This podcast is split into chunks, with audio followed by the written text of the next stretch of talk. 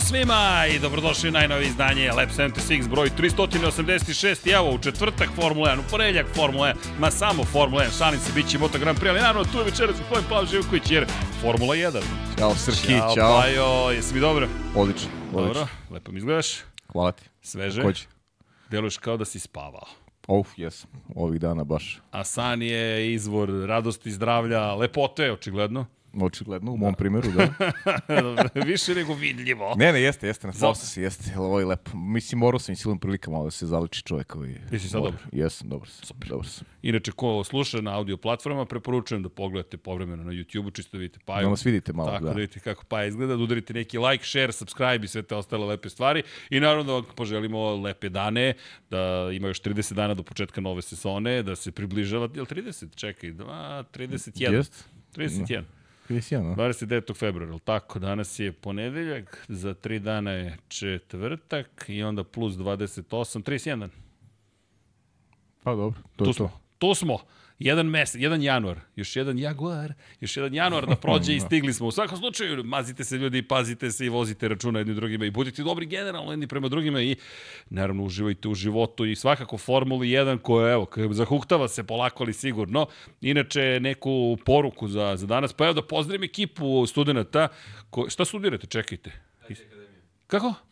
IT Akademija. Dobro, ljudi, dakle, a ovo su robotičari, kompjuteraši i ostale ekipa. Šalim se, ne znam šta studirate, ali završavajte i diplomirajte. I samo napred, momci, inače ekipa iz Niša, poseban pozdrav za Niš, dakle, koja ima autobus u 11 časova i 15 minuta. Tako da, Tako da, i ovi gosti će nam pobići. Ko, ko hoće da ih upozna, čekajte ih na stanici.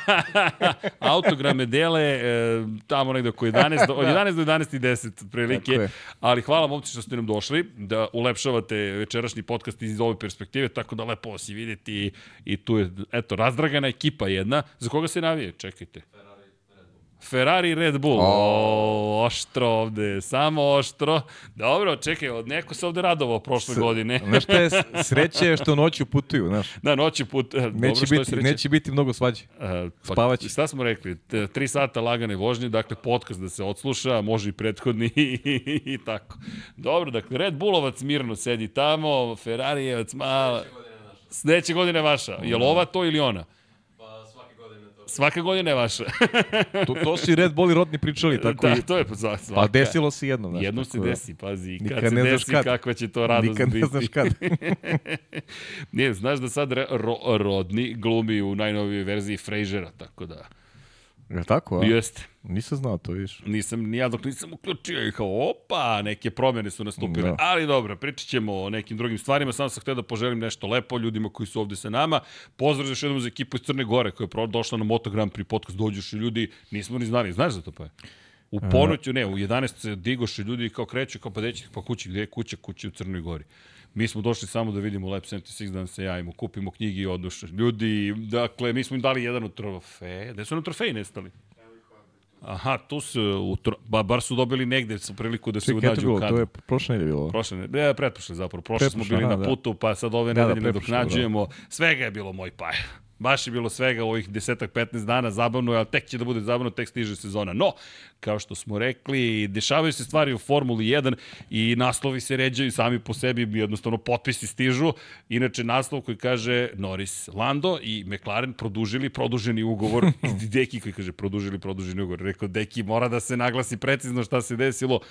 Pa jo, posle Charles Leclerca, koji je produžio ugovor Produženi produženi, koji je traje do 2024 je došao trenutak da i Lando Norris, koji je prošle godine produžio ugovor do kraja 2025. Njegov klubski kolega Oskar Pjastri u McLarenu, dakle do 26. Da. produžava ugovor. Kažu, još nije saopšteno do kada će trajati, ali gotovo je izvesno da je to do kraja 2027. godine. To jest još dve godine na onaj ugovor koji je potpisan prošle godine. Kako ti tumačiš ovaj potez? Pazi, to su dve godine nove ere, još dve godine ove postojeće ere, četiri godine još najmanje Lando Norris u ekipi McLarena. Pa znaš kako, ovaj, e, dve strane sad, jedna je lična, a jedna je ovaj, onako Hoće li nekako... se jesti šolje? Pa ne, znaš u kom smislu je lična. Znaš da smo pričali, ja sam, ja sam bio od onih koji zagovarao tu tezu da bi on mogao u Ferrari. U momentu kada je Ferrari obelodanio da je Leclerc potpisao ugovor, dobiješ par dana kasnije dobiješ ovaj, novu informaciju o Landu. što meni negde govori da je zaista bilo nekih ovaj, da su tu postojili neke, neke ideje u tom pogledu Landa Norisa. A onda kad pogledaš sa te strane Landove nakon e, odluke uh, Ferrarija i Leclera, mislim da da drugu neku uzbiljniju opciju Lando u ovom trenutku i nema. I poklapaju im se sudbine jer će ta 2027. biti presek. Biće presek i u Ferrari, biće presek i u, i u uh, McLarenu. Jer uh, Leclerc ima do 2027. uz mogućnost da produži još dve godine, zaključno sa 2029. ali 2027. će biti kritična u pogledu njegovog ostanka, tada će se napraviti neki rezime onoga što su donele četvrta, peta, šesta i sedma. Uh, slična priča i za Landa Norrisa.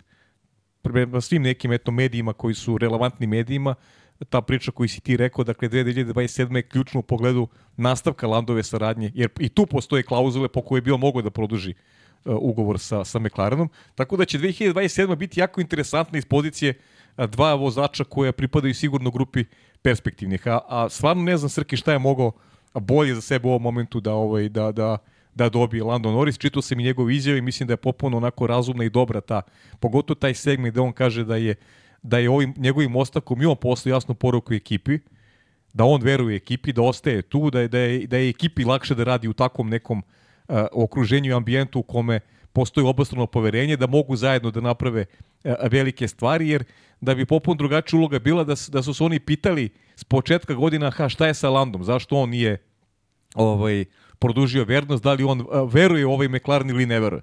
Kaže, stavio sam do znanja da verujem i, i to je sad neki projekat koji će se graditi do 2027. Stvarno ne znam da li je postojala bolja opcija za njega u ovom momentu. Mislim, mislim da nije, realno. Vidi ovako, Lando Norris, McLaren kombinacija koja zvuči fenomenalno. Prošle godine su lepo završili sezonu.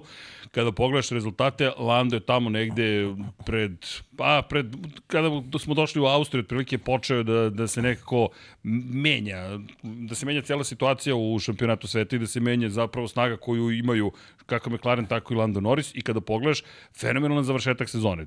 McLaren, ukoliko bi mogao da održi taj nivo, mi bismo ove godine mogli da imamo jednu vrlo ozbiljnu ekipu. Četvrti je bio u Austriji kada je krenuo taj oporavak, pa drugi u Britaniji, pa drugi u Mađarskoj, pa dva sedma mesta, osmo, drugi, drugi, treći, drugi, peti, drugi, odustao u Las Vegasu i Abu Dhabi je bio peti. Generalno, to su sve veoma dobre rezultati. Ono što nedostaje svakako je pobeda, nikad još nije pobedio u svojoj karijeri, Njegova prva izjava je bila da on očekuje do 2026. da počne da pobeđuje. Ne da osvoji titulu, već da počne da pobeđuje. E sad, Lando Norris nije baš da godine ne čine svoje mladje, veoma 24 godine, tek je u novembru napunio 24, no, dakle ali, 25 ali 104 trke već odvezao. Jeste, baš ima dosta trka iza sebe. Ima, ima, ima dosta trka i naš, ono što je bitno za njih, očigledno, za te mlade momke, za te vozače koji pripadaju toj ekstra seriji, da imaju uh, sigurne ugovore s početkom ove nove ere Formule 1. I mi, e, to im je jako važno. Imam, to je neki moj utisak jer, jer ulaze u jedan period koji je popuno neizvestan, drugačiji u, u odnosu na ovih, ovih, evo, ovih deseta godina koliko godine oni funkcionišu i kao mladi vozači u tim nižnim serijama, Lando je to od 2019. godine, to već nije mala cifra, to je već onako a, značajan period od kako, kako pratimo Landa i, i s punim pravom može da očekuje da od 2026. se nešto dogodi pozitivno sa, sa McLarenom. Sad ide ona ta priča o ogradi mojoj, s obzirom da su sarađuju sa Mercedesom, da oni nisu ovaj, e, fabrički tim i tako dalje i tako dalje, ali prosto to su neke okolnosti s kojima mora da se pomiri, jer uh, opet ono što je, što je neki, neki uh, moj pogled kad je, kad je njegova karijera u pitanju, nije, ne, ne postoji bolje mesto za neki dalji razvoj Landa Norrisa od McLarena. On je gazda u toj kući, on je sebe profilisao kao, kao vozač broj 1, ok, imaće konkurenciju zaključu sa 2026. u Oskaru Pjastriju, ali Oskar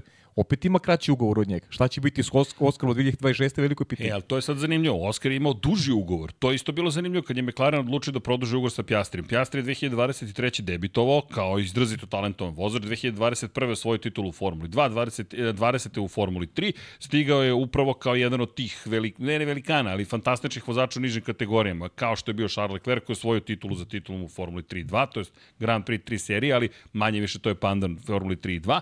Isto kao i George Russell, i Oskar Pjastri odličnu sezonu imao, popeo se dva puta na pobedničko postoje, pobedio u sprintu, Lando još uvijek nema pobedu u sprintu i on je dobio ugovor na četvrtu, petu i šestu, Tako je. a Norris do kraja 2025. Sada se to popravlja, jer sad, kao što ti kažeš, dobijamo poruku. Međutim, ja imam utisak kao da neće ovde, da će ovde McLaren biti tradicionalno svoj, dva vrlo slična vozača, sad dalje baš Norris broj 1 Pa ne, ne znam, ne znam, Znaš- znaš, kako, o, o, teo sam ti kažem da se osjeća dobro u svojoj kući. Sad, da li je nužno to je, broj to 1, tako deluje. to je, znaš, da li je broj 1, Pa to u je, nije da li toliko nije važno. postoji Da li postoji, da li ikad postojao broj 1? Ja se ne sjećam takvog broja Samo u 1. tom smislu sam, da je gazda u svojoj kući, sam rekao u Razumem, smislu razumem. da, da se dobro osjeća, da je konforan negde da je, da je stasao praktično.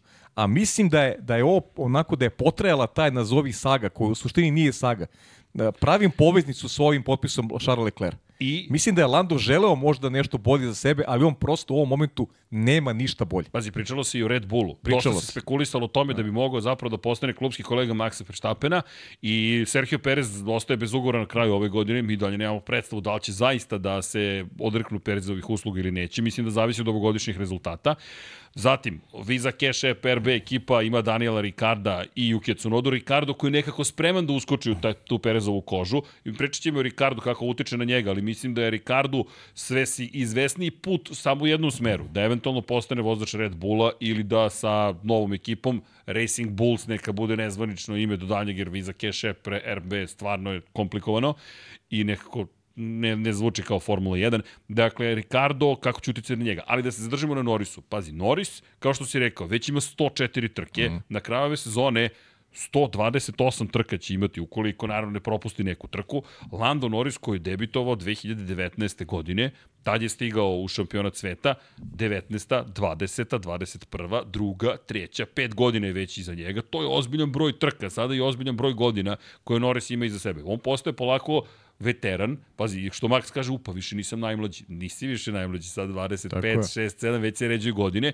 I pritom dodao bih samo da je Ferrari potvrdio da je Oliver Berman rezervni vozač u Ferrariju, uz činjenicu da Sainz nije Carlos produžio ugovor još uvek i da Frederik Vasseur želi da mu da jasniju situaciju ima pre početka sezone. Doći ćemo i na Pričat to. pričat ćemo ali tome, da. samo da, da, da budemo jasni kako se polako ali sigurno za Landa Norrisa stvari nekako tako menjaju kao što si rekao da McLaren deluje kao najlogičnija opcija. Jer, ajmo ovako, da je otišao u Red Bull, je li to napredak za Landa Norrisa ili je to, ideš u nepoznato okruženje, potencijalno neprijateljsko, maksu na noge, da li želiš da budeš u tom Red Bullu? Ja mislim da nijedan vozač koji e, drži do sebe, želi šampionske ambicije, e, ne šalje dobru poruku odlaskom u Red Bull. Znači, to je samo, to je samo ovaj, kupovina ugovora i ništa više. To je To je dobiješ da voziš na Red ugovor. Bull, dobiješ dobiješ Red Bull, dobi, novac ideš u tim koji je maksu. i pitanje je da li bi te Podre, platili podređen toliko. maksu. Podređen maksu. E, ne bih voleo da se to desi u slučaju Landa Norrisa. Ok, Red Bull jednog dana ako ti sebe profilišeš tako da ćeš da budeš tamo prvi vozač. Jer to, su, to treba budu tvoji kapaciteti. Treba tome da težiš. Ali on nije projekat Red Bulla. On nije projekat Red Bulla i on nema šta tamo da traži, generalno. I to je ovako. samo to je to je to je potez očenika, neko ko je spreman da igra ulogu vozača broj 2 i da ostane i dalje u tom sportu, neko ko je na zalasku karijere poput Serhije Pereza koji koji je idealan da bude taj vozač broj 2. Sjajna uloga. Jer Red Bull nikad neće otvoriti vrata i reći ok, vi se trkajte sada, pa ko pobedi neka bude bolje. Ajmo ovako, još jedna stvar. Ti sada kao Red Bull, da li moraš da daš poveći ugovor bilo kom vozaču osim Maxu Ne Verstappen? moraš, naravno. Ne moraš. Ne moraš. O, To je moje mišljenje makar. Zašto bih te platio kad ti želiš da dođeš kod mene jer želiš najbolji bolid u ovom trenutku? Dakle, pregovaračka pozicija Red Bulla je mnogo da. Da. bolja. McLaren s druge strane ima sredstava trenutno u usponu ekipa. Mi nismo videli ovakvu sezonu, ovakvu sezonu nismo, to je završnicu sezone za McLaren odavno nismo videli. Samo da se podsjetimo, McLaren kada posmatramo godine, po, inače poslednji put kada je McLaren zabeležio pobedu 2021. sa Danielom Ricardom u Monci, pre toga poslednji put 2012. Pri čemu je 2012. kada su Jenson Button i Lewis Hamilton bili deo te ekipe, poslednje kada su zabeležili više od jednog triumfa. Dakle, nije to neka anomalija bila, već su oni tada imali, naše mišljenje je bilo da su imali najbolji bolid. Sedam pobjeda te godine imao McLaren. Četiri Hamilton, tri Button. Čak se završila sezona pobedom Jensona Buttona, inače se i otvorila pobedom Jensona Batona u Australiji pobedio na početku, na kraju u Brazilu, ali titulu osvojio Sebastian Vettel. Inače, tad su bili treći u šampionatu, posle toga peti, peti pa sunovrat, deveti, šesti, deveti, šesti, e onda počinje oporavak, upravo kad je Norris zajedno sa Carlosom Saincom preuzeo tu ekipu, četvrti, zatim opet, dobro, čudna godina, ali treći u šampionatu, međutim, treći 2020. Jedan plasman na treće mesto za Norisa i jedan plasman na drugo mesto za Carlosa Sainca u Italiji. Sledeće godine imaju tu jednu pobedu zahvaljujući Danielu Ricardu, tri puta treći je Norris, jednom drugi, u Rusiji mu izbegla pobeda i onda lošija forma Ricardo Norris, kombinacija 2022. Samo jedan plasman na treće mesto na, u Imoli i onda prošle godine kreće ovaj niz uspeha koji nije ih doveo do bolje pozicije četvrte u šampionatu konstruktora, ali pa jo, kada pogledaš, Norrisovi rezultati su bili krajnje ozbiljni. Drugi najbolji pa vozač iza da. Maxa Verstappena u drugoj polovini sezone. Da, s tim što ja imam zamerku veliku i to me malo onako ovaj, približilo možda da jednog dana pojedem ipak šolju. Ovaj, nadam se da neću ovaj, u njegovom slučaju, ali taj neki odnos koji, koji postoji, koji mi se ne sviđa generalno, način na koji se on trka po znacima navoda sa Maksom je nešto što ovaj, ne, ne prija za videti eh, generalno iz, kada gledaš u, u pravcu vozača od koga se očekuju tituli. Jer imam utisak da mu Max i tekako ušao u glavu i stalno ponavlja Znaš, kad god je drugi, pa ne, normalno da je Max prvi, pa ne, ne, nema duela na stazi, uh, nekako, nekako ne ulazi uopšte u duele sa Maxom i to je nešto što mi se, što mi se ne dopadi. I verujem da je taj neki njegov odnos, ne ti budeš prijatelj sa nekim koje, s kim treba da se boriš za titulu šampiona. I to su one stare priče vezane za Formulu 1. Teško. To smo govorili više puta je. da, da je čak ono ranije i pokonom Ferrariju su sugerisali da, da, da mora da, da, da neke vozače ne može da ima u timu jer imaju suviše prisan odnos. Da ne mogu da budu ja, prijatelji ukoliko, ukoliko se, se bore za neki, za neki ulog. A ovde pričamo o vozačima koji su iz dva suprotna tima, a, a, a ovaj, razvija se neki odnos koji, koji ovaj, nema taj neki takmičarski ovaj, karakter. I mislim da to Lando mora da promeni. Mora da bude da bude ovaj na stazi agresivniji, da bude da bude pravi i sad da će vremenu doći neki adekvatni rezultati vidjet ćemo.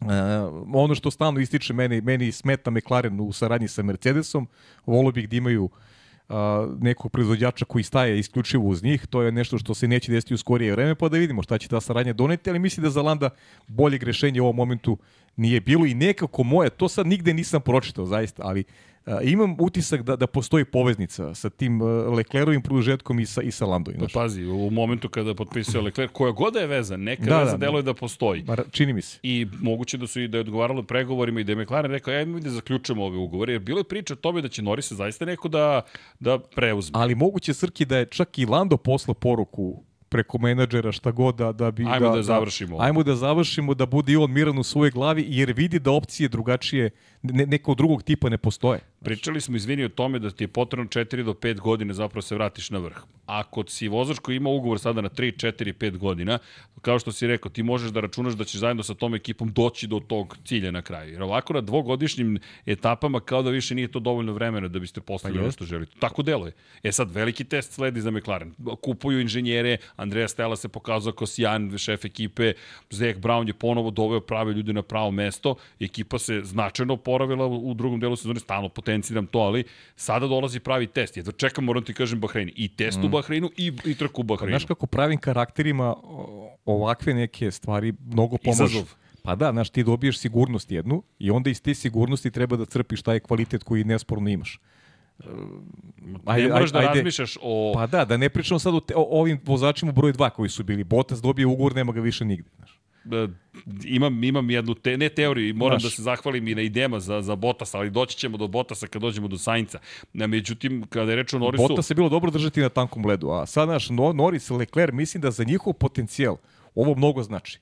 Da imaju tu vrstu sigurnosti, da je pokazuje i tim da ima veru u njih, i da oni mogu da se usredsrede samo ono se dešava na stadionu. I još jedna stvar, mislim da i Red Bull jasno postavio politiku koju moraju timovi da imaju davši ugovor od, do 2028. Maxu Verstappen. Da, Max može da izađe iz njega ukoliko ne budu performanse na nivou koji A njemu mogu, odgovaraju. Mogu i ovi momci. Ali da verujem upravo to da svi imaju tu vrstu pa klauzula. Da. Ali ovo je neka nova Formula 1. Dugoročni ugovori na 5, 6, 7 godina, ne znam ni ja.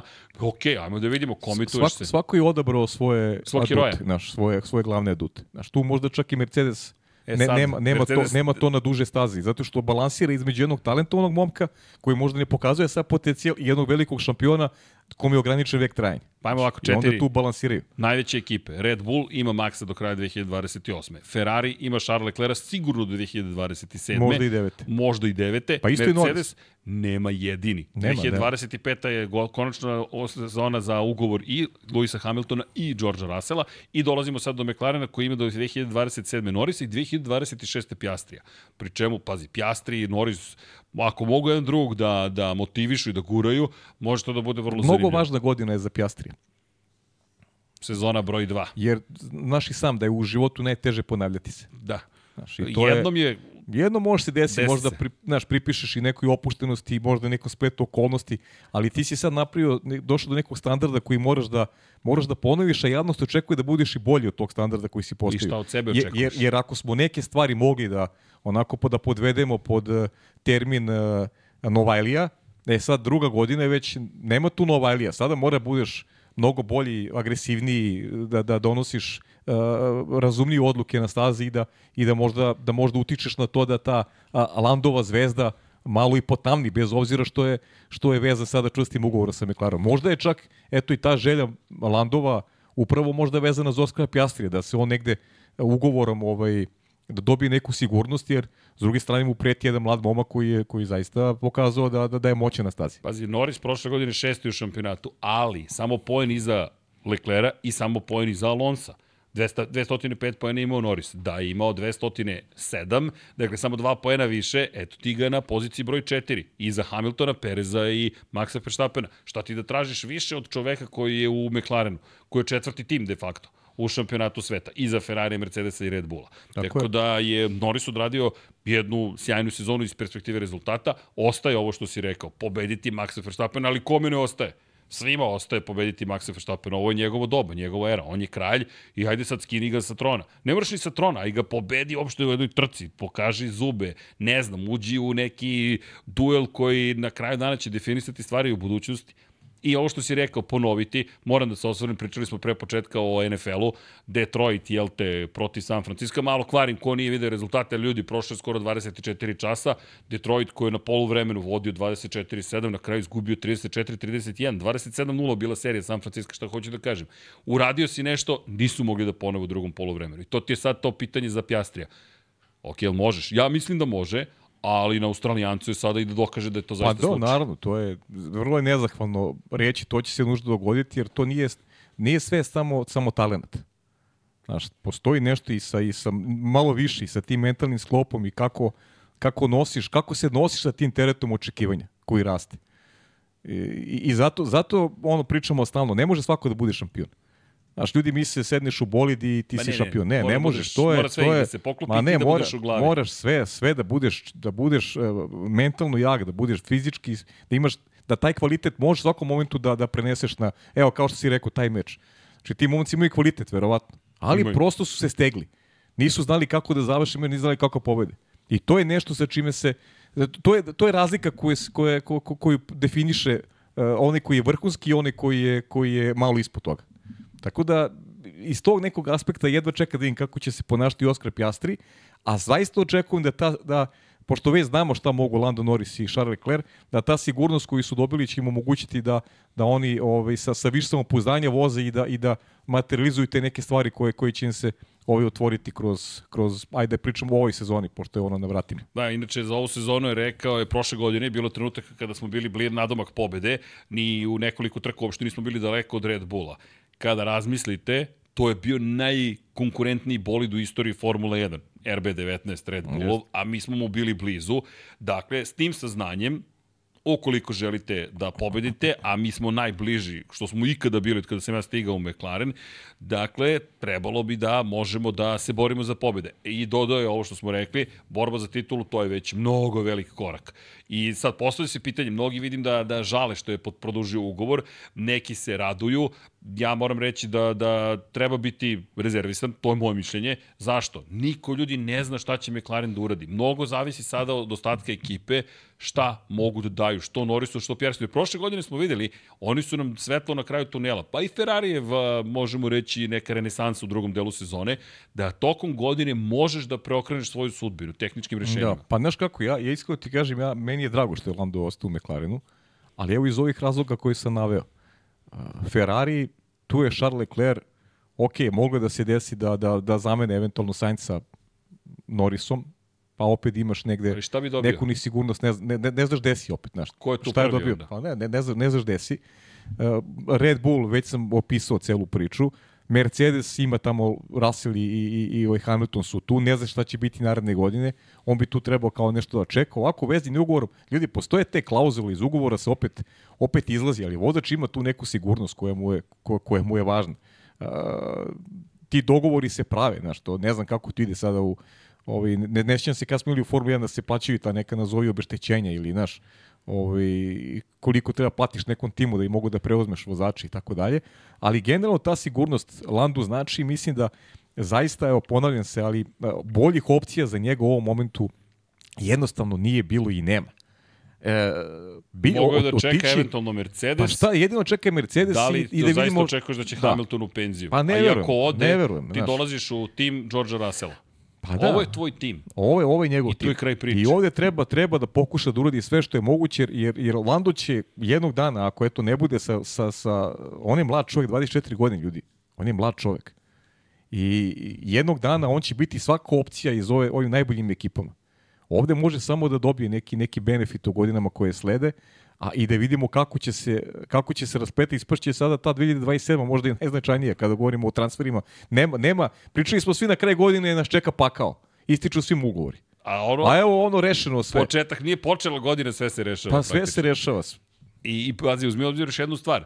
Svako ima svog junaka i svako ima svoju zastavu. Dakle, ovo što smo sve ove koje, momke koje smo naveli, što samo ukoliko nam se desi da tehnička rešenja, tehničko-tehnološka rešenja budu izjednačena, Tako sami si ti šta ćemo da dobijemo na stazi. To Tako je taj san koji čekamo, da imamo sve te momke koji se tako žestoko bore za, za šta god, pobede, pol pozicije, najbrže krugove, Samo da se, i naravno, da, da neko uspe da ugrozi uopšte potpunu o, dominaciju. O, odlično si poređenje napravio, bukvalno, baš dobra, dobra ovaj, uh, priča vezano za, za svako ima svoju zastavu. Red Bullova je kod Maxa, Ferrarijeva je kod Šarla, McLarenova je sada kod Landa, realno Mercedesova kod Luisa i mislim da samo od Luisa zavisi koliko će ona biti kod Luisa, zavisi od njegovog fizičkog stanja, psihičkog stanja, koliko će moći sebe da gura u konkurenciju ovih mladih lavova koji koji su sve ovo i sve bolje. A i otvaraju se neke druge situacije. Pričali smo, pazi, fenomenalno je, mnogo toga se desilo od prethodnog podcasta u četvrtak do danas, što se nadovezuje kao da smo pisali scenariju u prethodnom da, podcastu da, jest, za danas. Jest. Jer, evo novih ja informacija. Sam čak, ja sam čak i Houston Duxu. Ja sam promenio majicu, čisto da se zna da nije isto veče. Tebi, jel, tvoje boje sam, jel, to da, obukao, da, da, negdje da. iz naftalina sam izvukao, ali yes. stara crno-bela majica, pošto ja stalno sam u nekim bojama papagaja i danas sam rekao, e, danas Samo, ćemo elega, danas, elegantno. Danas su u mojim bojama, da. da, pa moram, moram da ispoštujem kolegu. Yes. Ali kada pričamo o bojama, dolazimo do situacije o kojoj smo pričali prošlog puta, uz sve ovo što se dešava. Dakle, sada su vrata Carlosu Sainzu zatvorena i McLarena. Uopšte nema tu i, i koncepta da se on vrati u McLaren. To je ne, zatvoreno. Ne. Red Bull, ne vidim da iko ikad spomenuo da će Carlos Sainz da ide u Red Bull i ne vidim da njegovoj prosto filozofiji života i njegovom jednostavno temperamentu odgovara da sad on ode u Red Bull i bude de facto vozač broj 2. Šta god on želeo ili mislio, zna se ko je to u glavni i ko je projekat. Ko je trostruki šampion sveta i jedan od najboljih svih vremena.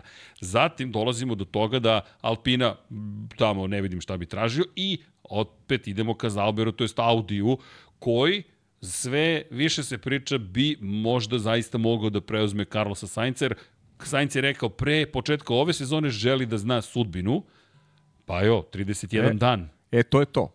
Svi žele da se pozicioniraju za početak 2026. I da tu bude sigurno da će sa novim pravilima imati dobro mesto. Uh, slaže se za Sainca, ali s druge strane, šta ako on nije ideja Audija da bude lider tog projekta? Šta onda za njega? I kako se onda ponašaš? Da li onda to što ti nećeš da budeš vozač broj 2, što si, nisi želeo u Ferrariju, da li to menja tvoju percepciju? Da li želiš da budeš u Formuli 1 po svaku cenu? Misli, po svaku cenu.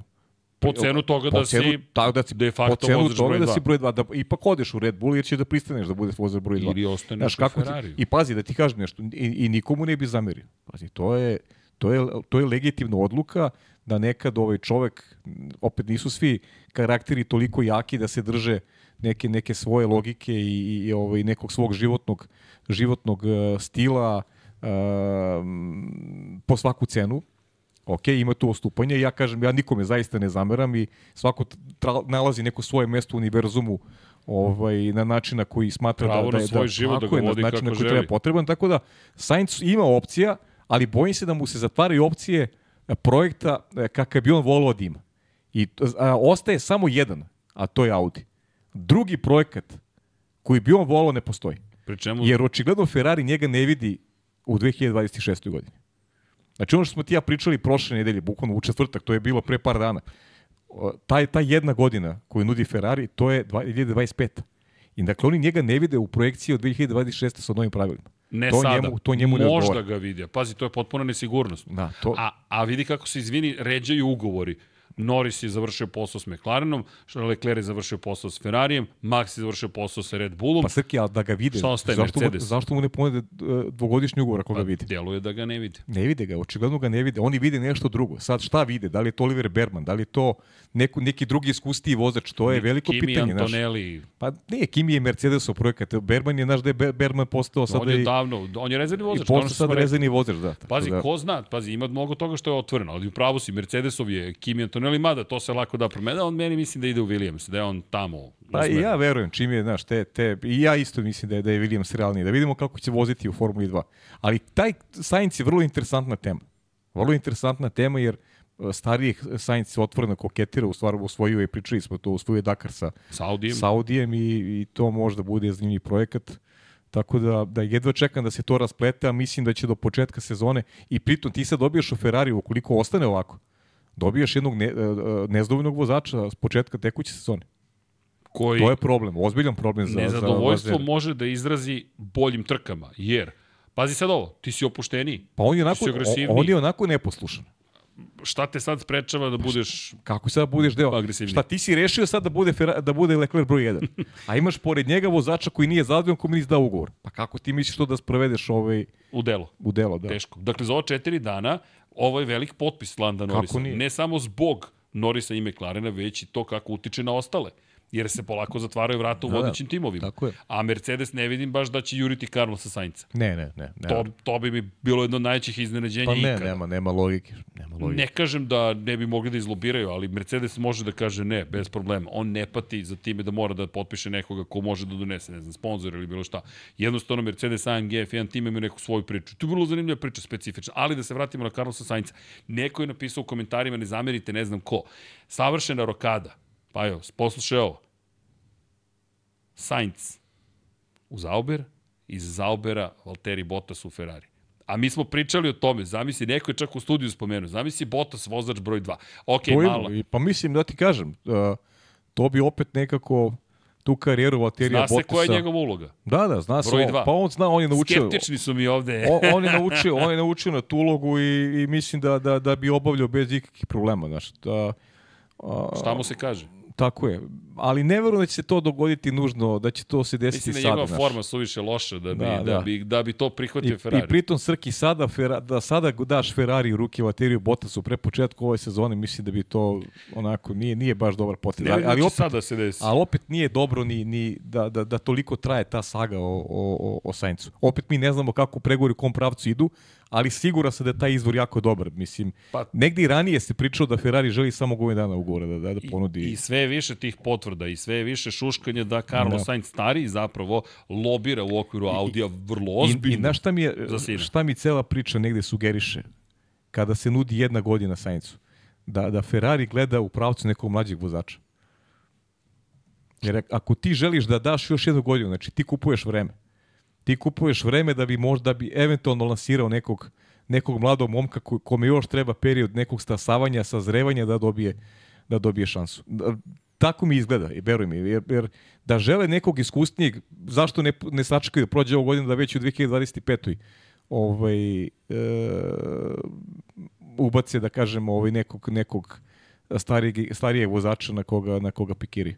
I dalje ima, čitam i mnogi dalje sugerišu da bi to moglo da bude Lewis Hamilton. Ja stvarno ne verujem da će se to, da će se to dogoditi, da će Lewis voziti za smeje se srđan na široko. Ovaj, ali ne, Vidi, ako nekako, se to desi, ja da, ti rekao. nekako verujem da će ipak biti neko, neko od te mlađe garde vozača. Nekako mi najviše ovaj, Berman deluje kao, kao opcija za, za Ferrari, da oni razmišljaju o tome ako ništa drugo. No, ali oni sebi lepo ostavljaju prostora da mogu da biraju. Jer ako Sainz neće, ne oni ne moraju ništa da saopšte tokom ove sezone, tokom većeg dela sezone. Ne moraju, ali, ali nemaju, nemaju dobru hemiju u ekipi. Znaš, Činjenica, to je, to je za problem. ovu sezonu nemaju. To, je, to ovde vraćamo se na priču Toto Wolff, Valtteri Bottas. Da, moraš, da imaš, moraš da imaš zadovoljnog vozača. Fu, vrlo zanimljivo. I naravno da dodamo na tu celu priču Alex Albona, koga sve češće spominju kao zamenu za Carlosa Sainca koga spominju kao čoveka kog bi mogli da izaberu. A je sad to da postavimo, pa je Alex Albon koji je oživeo karijeru u Williamsu. Za koliko ima ugovor? Ono, nisam da... E, ističemo na kraju ove godine. Na kraju ove godine? Ove godine. Pa da, ali onda nudiš, nudiš Saincu još godinu dana. Gde je logika? A da, ali vidi, ako Sainz ne pristane, imaš Albona kao nekoga kome može da Tako da ponudiš da, ugovor. ali mislim da priori Ferrari ne gađa Albona, jer da gađa Albona ne bi nudio Sainzu još jednu godinu. Samo kod Albona. Tako ali pazi, opet nije to loša rezerva. Pazi, Alex Albon ispade rezerva. Ne, ne, Albon je, Albon je super rešenje, mislim. Albon je za svakog super rešenje. Albon je odličan vozač, tu, tu nema, nema zbora. Ali, kažem, ja samo pokušavam da, da ovaj, se stavim u ulogu znaš, na, na osnovu onoga što se dešava na tržištu, šta je ideja Ferrarija? Zašto Sainzu nudi samo ugovor na godinu dana? Znaš, ko je taj vozač kom ističe ugovor 2025. godine, pa da ti možeš da ga aktiviraš? Lewis Hamilton. Lewis Hamilton, pa da. I, da. I George Russell. Da. Pri čemu Russella ne vidim van Mercedesove škole. Pa isto. Mislim da, da on tamo je isto. zauzeo svoje mesto. I Mercedes redko menja vozače. Pitanje kad bi Niko Rosberg se bio promenjen da nije otišao sam u penziju da. 2016. Da. Istina. I imaš poziciju za George Russella koja je više nego odgovarajuća. I ne spominje se njegov otkaz. Priča se samo o tome gde mora da bude bolje, ili niko nije tamo rekao, e, mi menjamo George Russell. To je tim koji je tako specifičan je. Pa Lewis Hamilton je 2013. stigao u tu ekipu. Mi pričamo sada već u 12. sezoni Lewisa Hamiltona u Mercedesu. Ljudi, veći deo karijere je probao Mercedesu. U konačnoj najveći uspeh je postigao Mercedesu. To je njegov tim. Ali opet, ako on ode 2025. ne produži ugovor, eto, otvara se ta prilika i priča o Russellu koji ne vidim da dolazi u Ferrari. I opet se vraćamo na Alex Albona, koji, eto, stoji, figurira tu i onda otvara se u Williamsu da Antonelli stigne i možda još neko ko plaće da vozi da ostane tu. Pa da, mislim, eto, ima, ima, ovo, ima priča svakako, ovo, ima priča, mi, eto, ne, nemamo baš, a to niko ne zna na, na ovom svetu, osim, osim uh, samih ekipa i načina koji Vaser razmišlja, John Elkan, ta upravljačka struktura, da li žele, e, stavili su do znanja da im novac nije problem nikakav, tim ugovorom sa, sa, da. sa Leclerom, dakle oni mogu sebi da priušte i Luisa Hamiltona bez ikakve problema, samo je pitanje šta je onda koncepcija, znaš, od 2025. godine, šta je koncepcija onda? Čekaj, za koje pare onda Hamilton dolazi ako bi došao? Pa ne, ali... Za 100 miliona pitanje, godišnje. Pitanje, pitanje koncepta. Znaš, kako se u ovoj eri de, de, de, de imaš definisano, uvijek si imao definisano, vodač 1-2 i uh, samo je Rosberg taj koji se oteo kontroli. Ali, znaš koje je moje veće pitanje? Da li preživljava Vaser ovu sezonu ukoliko ne bude dobrih rezultata. Jer to je najveći problem. Da li će Benedetto Vinja i ostatak Ferrarija ostati uz njega? Ja mislim da tom čoveku potrebno barem 5 godina. 4, 3, 4, 5 godina. Ali Ferrari, pogotovo u savremenoj eri, nije baš tim. Koliko su promenili šefova ekipa? Matija Binotto, Frederik Vaser, uh, ko je bio pre njega? Mauricio Rivabene, Marko Matijači dobio jednu godinu čovek. Pre toga najduže je trajao zapravo od 2008. do koje? 2000 13. 14. današnji izvršni direktor Formule 1. Ja mislim da je tu da je tu John Elkan, da je tu John Elkan dobar balans, znaš. John Elkan je američki đak, on nije on ima samo porek, poreklo italijansko, ali on je sve ovaj sve škole i završio i, i, i odrastao u Americi, tako da je to potpuno drugačije on od kako je prevozu da izgine, kako više ovaj vodi računa onome što se dešava ovaj, u Ferrariju stvari su malo drugačije u smislu, u smislu vođenja. Tako da verujem da će Vasir dobiti, ovaj, dobiti svoje vreme. Jer znamo kako će italijani funkcionisali. To je te kozmetičke promene da skinemo sa sebe odgovornost i uvek su padale glave figurativno rečeno tim šefovima ekipa eh, koji su bili optuživani za neuspeh. A popuno se slažem, za ozbiljan projekat je, je potrebno vreme. Ne možemo da sudimo nekome na, na osnovu ovaj, jedne sezone, dve, pa i tri godine. Uzmemo samo primjer tih posljednjih uspeha Ferrari najvećih sa Schumacherom. To smo i govorili u prošlom podcastu. Ljudi dobro znaju koliko je čekao Schumacher punih pet godina da, da osvoji trofej. Da, Znači, ali To je, to je, to je, to je projekat bio. Ozbiljan projekat koji Jeste. je, kad je uzeo maha, niko nije mogao da ih zaustavi. Ali su naporno radili u tih pet godina. Ostaje, kažem ti, pitanje. Da li će mu dati, jer pazi, već, ga, već je kritikovao Vasera. Vaser je pre par nedelji rekao da ne, se ne osvrće previše na te kritike. Moje najveće pitanje za Ferrari jeste da li će ostaviti stabilnu strukturu koja je, jer vidi, sve trenutno ukazuje da s optimizmom treba da dočekaju novu sezonu, da imaju čemu da se raduju, da je dobar bolid u testovima, ne, ozbiljno Pa sve. svaka godina je tako. Ali vidi, i sad, U najavi. I šta ako se desi da bude godina kao prošla? Šta, šta će s Vaserom biti? Leclerc je bezbedan. Sainz iđe će on produžiti ugovor, očigledno za jednu godinu ili će otići, ali manje više sudbina izvesna. Vaser mislim da je najveće pitanje za sudbinu Ferrari. Jer ako Vaser ode ponovo jer Ferrari je izvršni direktor ili neko nije zadovoljan, opet imaš COVID u Ferrari. Znaš šta je dobro za Vasera? Za Vaseru je cijeli priči dobro što je prošla godina završena sa jednom pobedom. Znači, lestvica očekivanja nije ona najveća ove godine.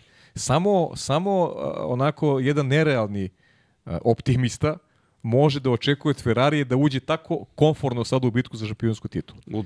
Kad imate takvu godinu s jednom pobedom, pa je li logično da sledeće godine bude toliko dramatično bolje?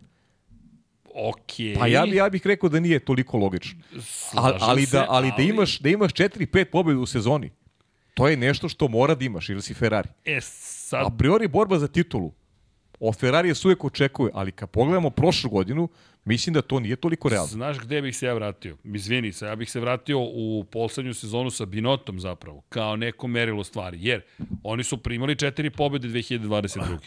Dakle, imali su četiri pobede, baš si ih napomenuo, četiri, pet da. Da. pobeda. 2023. pad u formi, jedna samo, po- ali pitanje je da li je samo pad u formi. Red Bull je postigao, Pavle, nešto što ja ne vidim da može da se ponovi. Jeste. Nijedan kvar, nijedna probušena guma, nijedan incident, nijedna greška u pit lane-u koja te košta pobede, nijedna strateška greška neka veća. Ne, to je nemoguće. Znaš, toliko promenjivih u 22 trke, čovjek zabeleži 19 Pa znam, pobjede i odustane ni jedna. Ali nije Ferrari konstantno bio drugi na ovim ostalim Slažem trkama da bi mogli da pričamo da je samo Red Bull problem. Znaš. Ali i Red Bull u kombinaciji, pa možemo da dodamo i McLaren Ferrari, svakako ozbiljan pad Pad, je, doživeo. pad, je, realno je pad. Ali, posle tog pada, ajmo da se vrate sada na 2022. Pa da Tako kaže, je. vidi, sad imam isti broj pobjeda kao Binotto u svojoj To poslednjoj je ona, sezoni. ona priča o Ferrari, svaka druga godina. Svaka druga godina. Znaš, to je stara sad, priča. Ono, to i ovi mlađi sada znaju. Teška će biti najava Ferrari sezone. svaka druga godina. Znaš, četiri pobjede dovoljno ili nije? Ali ja ti kažem, Ali se- slažem ja se mislim da- najviše treba brinu, izvrš, izvini, izvršnim direktorima Ferrarija. Pa to dobro, je da, ali briga. kažem, le- lestvič, lestvica očekivanja mora bude podignuta. I tu je Vaser da odradi taj posao iz mog ugla. Mora mnogo bolje da se upravlja trkama. Ako navijač Ferrarija vidi da se trkama upravlja dobro i da je to neki maksimum, možda kaže ok. Ali ako navijač Ferrarija vidi da se tim trkama upravlja loše, da je to katastrofa od taktike, da se tu ne, da tu ne postoji hirarhija, da to izgleda kao ekipa amaterski vođena, naravno da će biti reakcija. Jer to je ono što je bio problem Ferrari od 2023. godine. I ne samo 2023. To, to se videlo u 2022. Amatersko upravljanje trkama. Ako je neko bolje od tebe, ok, ti probaj na osnovu taktike da mu naudiš nešto. A ti si taktiku pravio tako da pomožeš o- ovim ostalim ekipama da te još lakše pobede. E, to je ono što je bio problem kod Ferrari već, već evo par godina unazad i tu Vaser mora, taj segment mora da promeni ako već agregat, aerodinamika i ostale stvari nisu bolje u odnosu na prošlu godinu. Ono što mogu oni da urade, nisu radili na dovoljno dobar način i tu Ferrari je napravio jedan ozbiljan problem uh, u, u analizi svega što se što se dešavalo. Čekaj, dobio sam komentar upravo od našeg dragog Andrije Kostića. Inače, pozdrav za Andriju koji je, koji se sprema ozbiljno za sezonu. Kaže, Srki, čitaj komentari. Čekaj, Andrija, da vidim šta treba da pročitam, gde su komentari. Pozdrav svima, izvinite, mama, posle se pa ja zaleteli ovde u priči, pa nisam ispratio komentare. Titula je naša Forza Ferrari. Dobro, samo da smanjite mahanje rukama kakav turizam općenito u sportu. Samo da smanji mahanje rukama. Ko? A, to je, ne, ne znam. Crki, čitaj chat. Šta treba Meni da su ruke u pročitam? džepu, ne znam. Da, pozdrav ljudi, možda i Kostić za Audi 2026. Andrija. A da, bravo. Andrija. Mo, vidi, Andrija. Može, to je bilo, i, Mo, to je bilo idealno. idealno. E, čekaj, Andrija, kad si već u četu, da li bi ti vozio za Ferrari kao vozač broj 2 ili bi bio Audi broj 1? Znam odgovor, nema veze. Ako se uopšte postavlja to, to mi smo stavili to kao ovaj, dilemu, ako uopšte postoji kod njih uopšte takva priča. E, čekaj da vidim, kaže Marko Tomašević, ćao drugari, evo meni lik sa kamp stolicama. To je Marko koji je doneo svoje stolice u gastro, dole na ran, č, č, č, č. Pozdrav.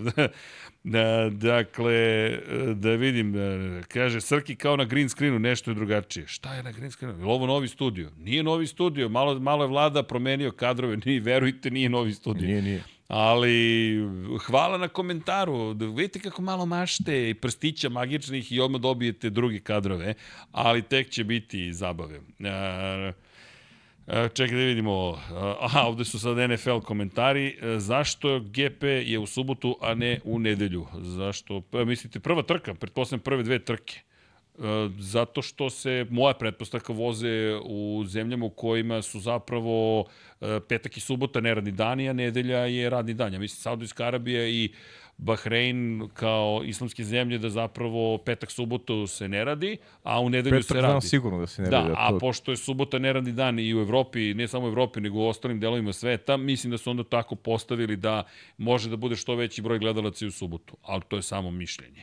Jeste sigurno to. Da, Ferrari ako nema makar 5-6 pobjeda u likom broju trka, to je katastrofa. E da, i to treba uzeti u obzir, 24, 24 trke, najviše u istoriji, to će biti vrlo zanimljivo. Da, inače, Gojko pita imali šanse za Drugovića da upadne negde. Teško. Ja mislim da je, nažalost, to ono čuveno pitanje tajminga. U pogre, pogrešno mesto, u pogrešno vreme i to vam je to. Ja mislim da, da on sa, sa tim nemanjem ovaj, sponzora i podrške dovoljno jaki u Brazilu ovaj, uvek bio u uh, pogrešno vreme, u pogrešnom trenutku. Tako da, nažalost, morat će tražiti neke druge opcije. Kaže mi Night Train, Srki, taj, se, taj vas proziva za novi studio. Nek prozivaju ljudi, sve u redu. Mi nemamo probleme sa time. Mi smo ekipa koja... A nam ovaj, studij uvijek izgleda kao novi. Tako je. Da, mi, ljudi, mi imamo svoju priču i mi, Mi ga, guramo. na, mi ga napravimo da izbude kao Tako novi. je, idemo mi u svom smeru, pa kad stignemo, stigli smo. Ali možete uvijek da nas podržite i da nam pomognete.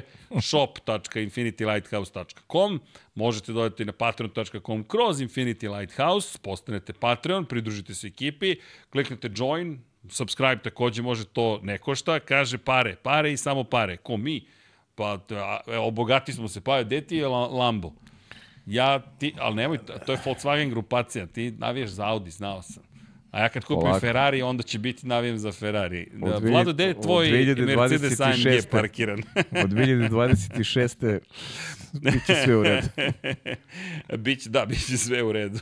No, u svakom slučaju, kliknite like, ljudi, udrite lajkove, to je pozitiva, pomaže oko algoritma, ne morate zbog nas. A, kaže Nemanja Vučićić, ne, Formula 1.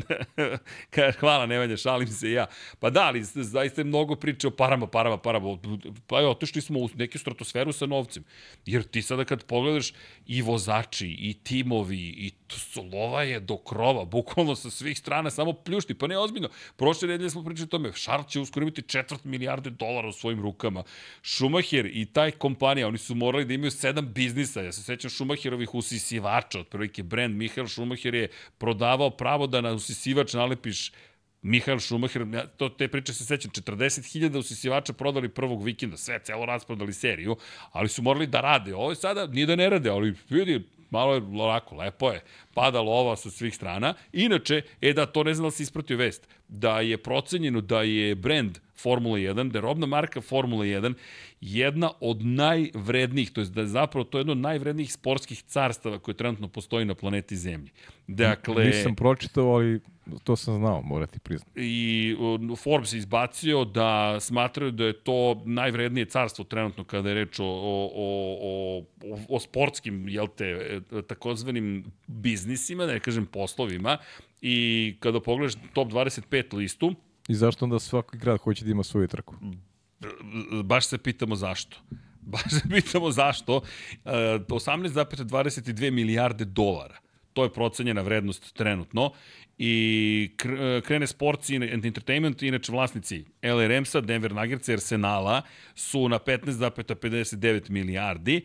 Fenway Sports grupacija koja je vlasnica Boston Red Soxa, Pittsburgh Penguinsa i Liverpoola je na 12,95 milijardi između ostalog. Tako da je Liberty tako je tamo na, na, na samom vrhu, a ono što je zanimljivo da kada pogledaš ko je sve umešan u priču o Formuli 1, Steven Ross se ističe, znači vlasnik Miami Dolphinsa i čovjek koji promoviše Miami Grand Prix, to je veliku nagradu Majamija, je čovjek koji je vredan 6,91 milijardu između ostalog, kada govorimo, to je vrednosti onoga što su sportske njegove da kažemo, assets, da ne kažem pokret, nekretnine, pokretnine, vlasništva nad intelektualnim svojinama i tako dalje.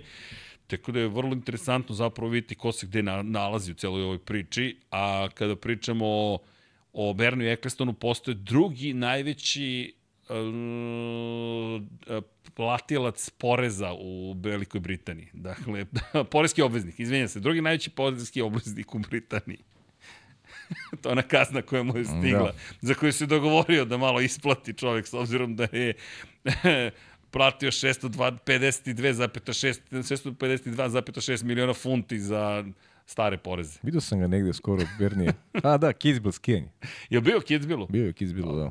Lepo se živi u svakom da. slučaju. Ali eto, činjenice da, da lova, lova jeste svog. Što, moram da priznam, ajde, vratit ćemo se mi na ove teme. Nas dovodi neminovno do teme velika nagrada Čikaga. Ja bih je nazvao velika nagrada Balkana u Sjedinjenim da. američkim državama. Hoćemo samo da ne zaboravim ovaj, Ferrari, da zaključimo samo koliko, je, koliko Ferrari veruje Šarlo. Mislim da je, da je ta informacija Dobro. usko vezana. Vidu si iz Artura Leclerc. On je razvojni vozač u Ferrari. Dakle, nije, Dobro. nije, nije raskinut ugovor sa Arturom, već je postao razvojni vozač. Dakle, ostao i Mađi Leclerc, je ostao uprkos tome da je... Nije u akademiji, da, ali je tu negdje. Ali je bio je katastrofa u ovim nižnim serijama i stvarno njegova budućnost je popuno onako drugačija, ali je ostao u Ferrariju. Ferrari mu je pružio ruku, zadržao ga je u timu i promovisao ga u razvojnog vozača. Znači, to opet negde Misliš, govori... pružio ruku u Šarlu. Pa, upravo to, ali, ali, ali ti kažem koliko je, koliko je Ferrari ta poveznica postaje onako Dobro. sve jača uh, između Leclera i, i, i, i Ferrarija. Eto i ovim potezom mislim da su stavili do znanja. Za koga ćeš ako za brata nećeš? Pa da, tako je. Znači, na, na, učinili su ne, ne samo a, a, Šarla srećni, nego su familiju učinili srećni. Znaš. Želiš da ti bude zadovoljan vozač koji će vratno biti de facto... A opet jedan. onda sad dolazimo do 2025. koliko onda kad, kad sve to znaš, koliko tu realno onda može Lewis Hamilton da bude neko na koga Ferrari gleda. Pa da, ako dovedeš Lewis Hamiltona, onda se menja sve. Sve se menja. Tebi se menja ceo tim zato što sa Hamiltonom dolazi cijela menažerija. Pa njegova, ba, njegova mašinerija. Njegova ekipa. Pa, Inače, ajde, promenili smo temu, vratit ćemo se na Chicago, ali kada spomenjamo Luisa Hamiltona i kod njega promene. Dakle, završio je svoj ugovor sa Cooper Managementom, ponovo sarađuje sa čovekom s kojim je već radio, to je Mark Heinz, za one koji ne znaju, to je nekadašnji vozač koji je bio šampion i britanske Formule 3, vozio je britanskom turističkom šampionatu, čovek koji je drugar bio zapravo još davno, davno u Manoru dok je vozio i to u Formuli Renault i Formuli 3. Tako da su oni već sarađivali zajedno, ali ono što se desilo jeste zapravo da je došlo do promene u organizaciji, s obzirom na činjenicu da je Heinz bio čovek koji je radio do 2021. zapravo na razvoju programa koji su bili u okviru cijele priče koju Hamilton ima iza sebe i radili su zapravo do praktično pre, do pre dve sezone. Inače u tom periodu 2021. do 2023. Cooper kompanija je zapravo Penny Tow je u pitanju devojka koja je vodila, inače ona iz Kanade, ceo taj projekat i projekat 44. Tako da su to bile stvari kojima su se bavili. Međutim, ono što je zanimljivo, Penny Tow je bila direktno odgovorna za konekciju između Apple Plus TV-a i uh, razvoja filma koji trenutno se snima sa Bradom Pittom. To će nastaviti da završavaju, ali se Heinz vraća, kao da Lewis Hamilton želi stari tim koji mu doneo uspehe, samo čekam još Anđelu Kulen da vrati u celu priču, ali da. okej, okay, o tom potom. Ali eto, Hamilton, organi, i Hamilton je poslovan čovek, on ima ozbiljne biznise, zašto, zašto to spomenjem u kontekstu Ferrarija? Ako angažuješ Hamiltona, mnogo ljudi tu dolazi. To ne dolazi Lewis Hamilton, dolazi njegov management tim, prateća ekipa, brendovi, odgovornosti. To je ozbiljan biznis. S obzirom na činjenicu da je pritom, jel te, čovek koji je uh, Sir Lewis Hamilton, mnogo je veća priča od samo jednog vozača, samo jednog, najuspešnijeg vozača svih vremena i sedmostrukog šampiona sveta. Tako da Ferrari tim potezom To se menja sve. To je Charles Leclerc malo dete. Tu je Charles Leclerc malo dete. I sa pet pobjeda i nijednom titulom, pored čoveka koji ima 103 pobjede i 7 titula, i sve ovo što sam spomenuo, onda Charles Leclerc ima potpuno drugu priču. To zato, više nije Carlos Sainz. Zato ti kažem. To Pitanje je je da li to želiš, Da li- pa da, da li- ako ti je Charles Leclerc izbor broj 1. Pa da, da li, da li Ferrari, znaš, ima, ima ovaj, i, I- i, sebi, mislim da stvarno novac nije problem, ali opet ti treba tu za mnogo ljudi da izdvojiš sredstva da Samo bi šta ti je cilj. učinio tako Samo je, šta da ti je cilj, da bi Pajo? celu priču učinio ovaj, šampionsku. Inače, ne znam tačno koliki je procenat, ali kada smo spominjali malo pre i priču o Ferrariju, kada smo pričali o izvršnim direktorima, kada smo pričali o biznisu, Ferrari trenutno, to, to, to ne smemo da zaboravimo, Deki se javlja, Dekijev duh živi, je u procesu podmlađivanja svojih kupaca. To je ono što je isto velika stvar o kojoj mi nismo toliko pričali, ali veći broj kupaca, sve veći je mlađi od 40 godina. Tu sada dolazimo do klasičnog marketinga i prodaje, do targetiranja čuvenog kome se obraća Charles Leclerc, kome se obraća Lewis Hamilton. Hamilton da li ima popularnost među mlađima od 30 godina ili su tu glavni Leclerc, Norris, Verstappen i, Russell, pa, pa i Albon. Pa realno su oni glavni. Meni deluje da će pre na njih da utiče. Hamilton je heroj neke druge generacije i ti sada imaš Lewisa Hamiltona koji naravno sa sobom donosi veliku popularnost, ali samo da li želiš iz te perspektive u momentu kada podmlađuješ svoju robnu marku i prodaješ Pa ne, to automobile je, mlađima, to je, znaš, to, to, da je, to je postalo i pitanje brenda, znaš, ti momci Tako je. su sada brendirani. Znaš, Lewis Hamilton je Mercedesov brend. I Mercedes će da uradi sve koliko god bude želeo Lewis Hamilton, Lewis Hamilton će biti deo tog brenda. Tako da i brendirani su. Leclerc je brendiran totalno sada. On je, on je Ferrarijev čovjek od glave do pete i, i to je to. Kao što je, kao što je Lando McLarenov, kao što je Lewis, kao što je Max Red Bullov. To su veze. I to su ti te Kolaboracije imamo, praktično. imamo, imamo praktično tu veliku četvorku sada. Možemo tako da je nazovemo. Tako je. Jedan je pripadnik starije generacije i ova trojica su pripadnici mlađe generacije, ali oni su ta neka velika četvorka, četiri najbolje ekipe i ajde možemo da dodamo ovog peto koji je brand Aston Martina, ko, od koga ne očekujemo nužno da će ponovo biti kandidat za osvajanje šampionski titul, ne zašto ne verujemo njemu, ne zašto ne verujemo Aston Martinu da je, da je u stanju da tako nešto napravi. Fernando Alonso je dovoljno brzo. ali, ali, on, ali on uz tu veliku četvorku, da kažem, neko ko, ko figurira kao, Pazi, kao glavni protagonista onoga što se dešava u Formuli 1. Fernando Alonso je oživeo svoju karijeru na potpuno jedan nov način, za, za mene nov način. On je nova ličnost od kada je stigao u Alpinu i Aston Martin. Pa definitivno, ma, malo, Obožavan je malo, malo iznenađujuće za mene, moram priznati da je, da je pronašao tu neku vrstu motiva nakon pauze,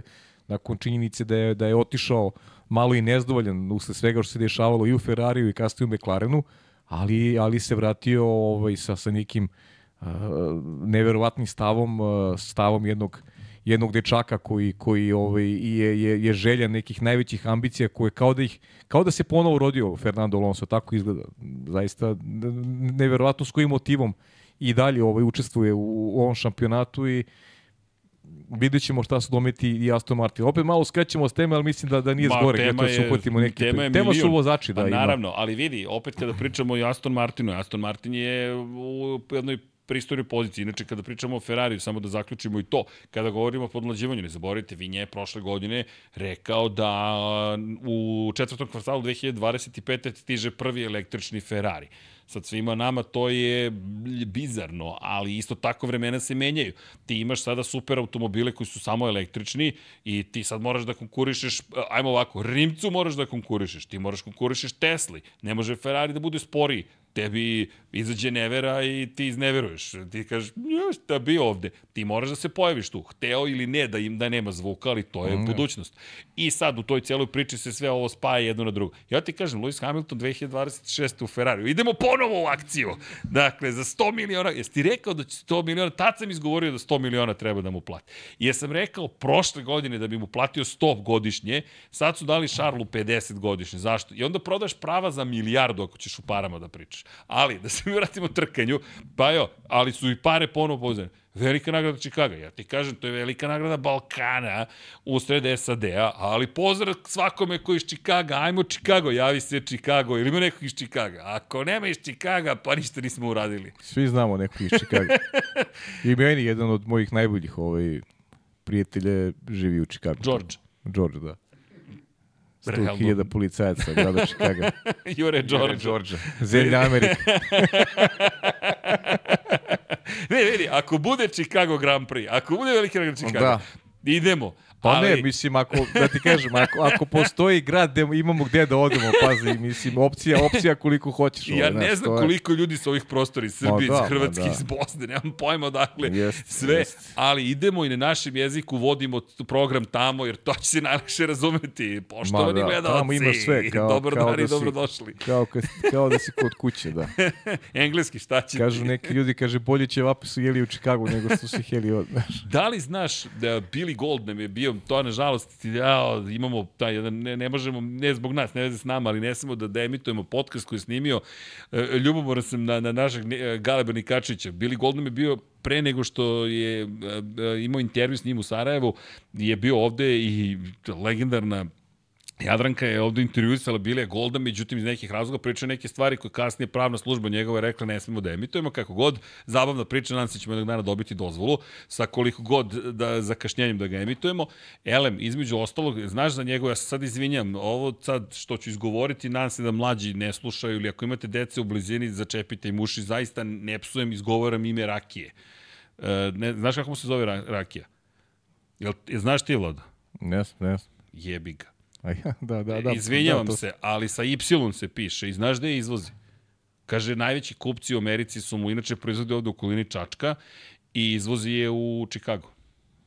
Najveća potrošnja je u Čikagu zapravo. I sad, izvinjam Da, se, ne znam, ali... znao to. Da, da, da, da. Inače, Baba Roga mu je nacrtana na, na rakiji i rekao je zašto je takva rakija. Kaže, vi ljudi morate da se ponosite, e, kaže ovde domaćin se ponosi rakijom ne zato što je spakovana u nešto lepo, nego zato što dođe i kaže rakija je toliko dobra, čistiš klonju s njome. To je, to je pohvala. I kaže, ja sam onda taj duh hteo da, da stavim u bocu i stavio sam Baba Rogu, dao ovaj naziv i poslao Ameriku. Mogu samo ti kažem, nisam je probao, jebi ga. Izvinjavamo se, dakle, mislim da su prve psovke ikada, ali ne Pa želim- nije, tako se zove, ali, šta da je, tako, tako se zove, zove, da. Da. Ali, ali to, inače, je tako je čovjek nazvao svoju rakiju. I, i to je zanimljiva priča. Inače, za onih koji ne znaju, Billy Gold je basista Fate No More.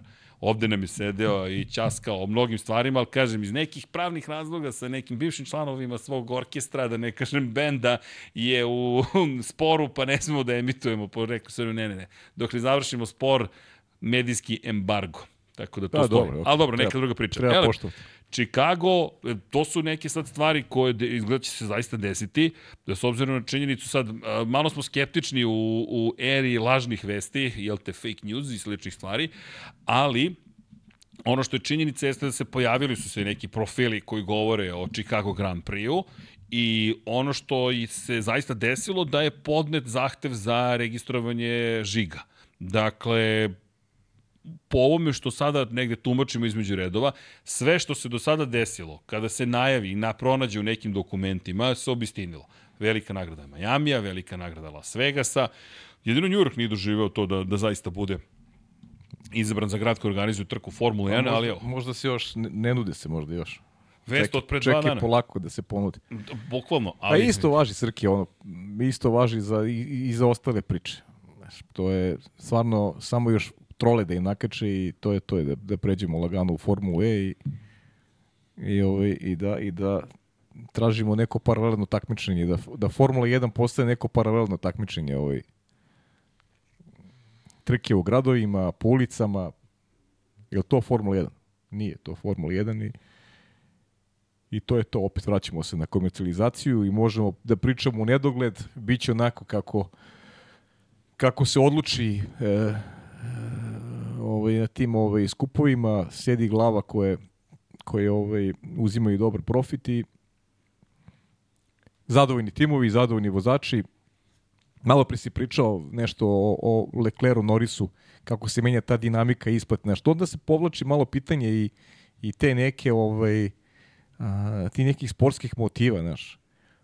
O tome sam malo razmišljao. Šta, kako se motiviše neko ko, ko ovaj, ima milijardu u 26. godini? Znaš, da li ti sportski motivi onda dolaze do, ovaj, da li postaju prioriteti?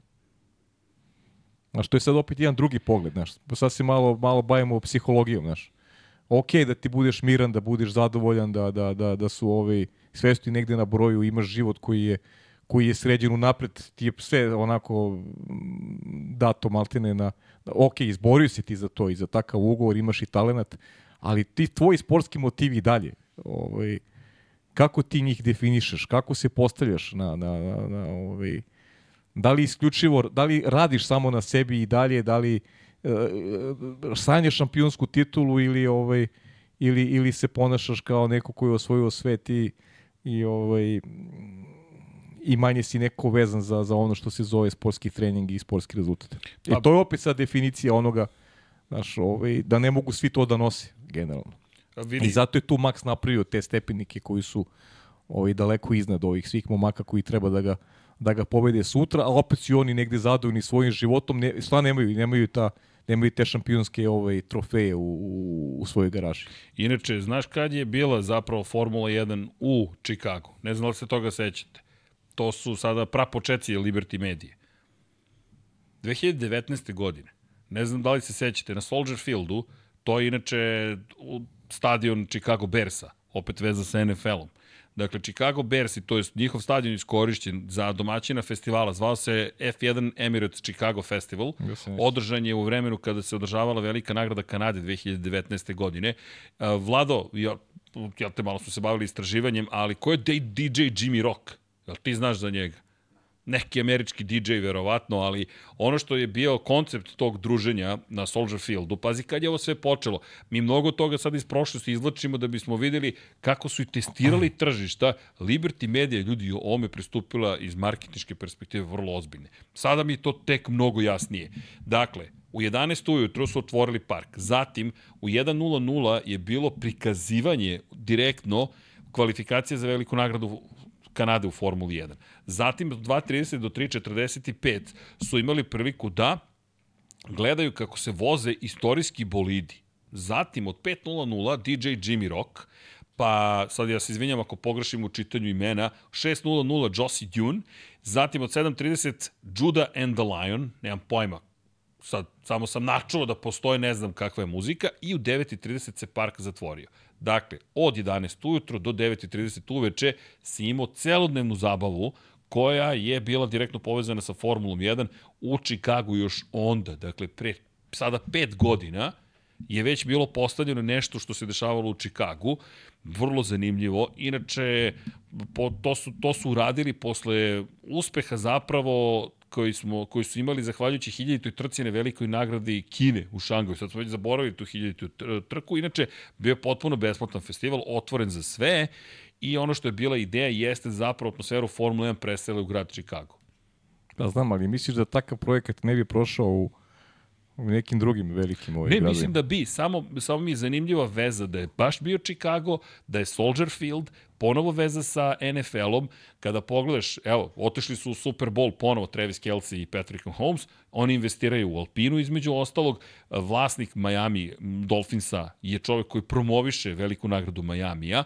Grupacije koje direktno učestvuju u sportskim, američkim sportovima su sve aktivnije. I sad, šta gledam? Chicago, Chicago Bears, zanimljiva mi je ta demografija koju gađaju. Imam utisak kao da planski idu u Chicago, moram još da istražim, ali deluje mi kao da je plan malo ranije postavljen i kao da su istraživali dovoljno dugo da kažu Chicago ima nekog smisla. Sad naravno, to što su zatražili da se zaštite velika nagrada, e, to je F1 Grand Prix, Grand Prix Chicago i tako dalje, tako dalje, može biti samo preventivna mera da plate da neko drugi ne bi registrovao jel te, te zaštitne znakove, to je žigove i da kaže e, ovo je sada naše.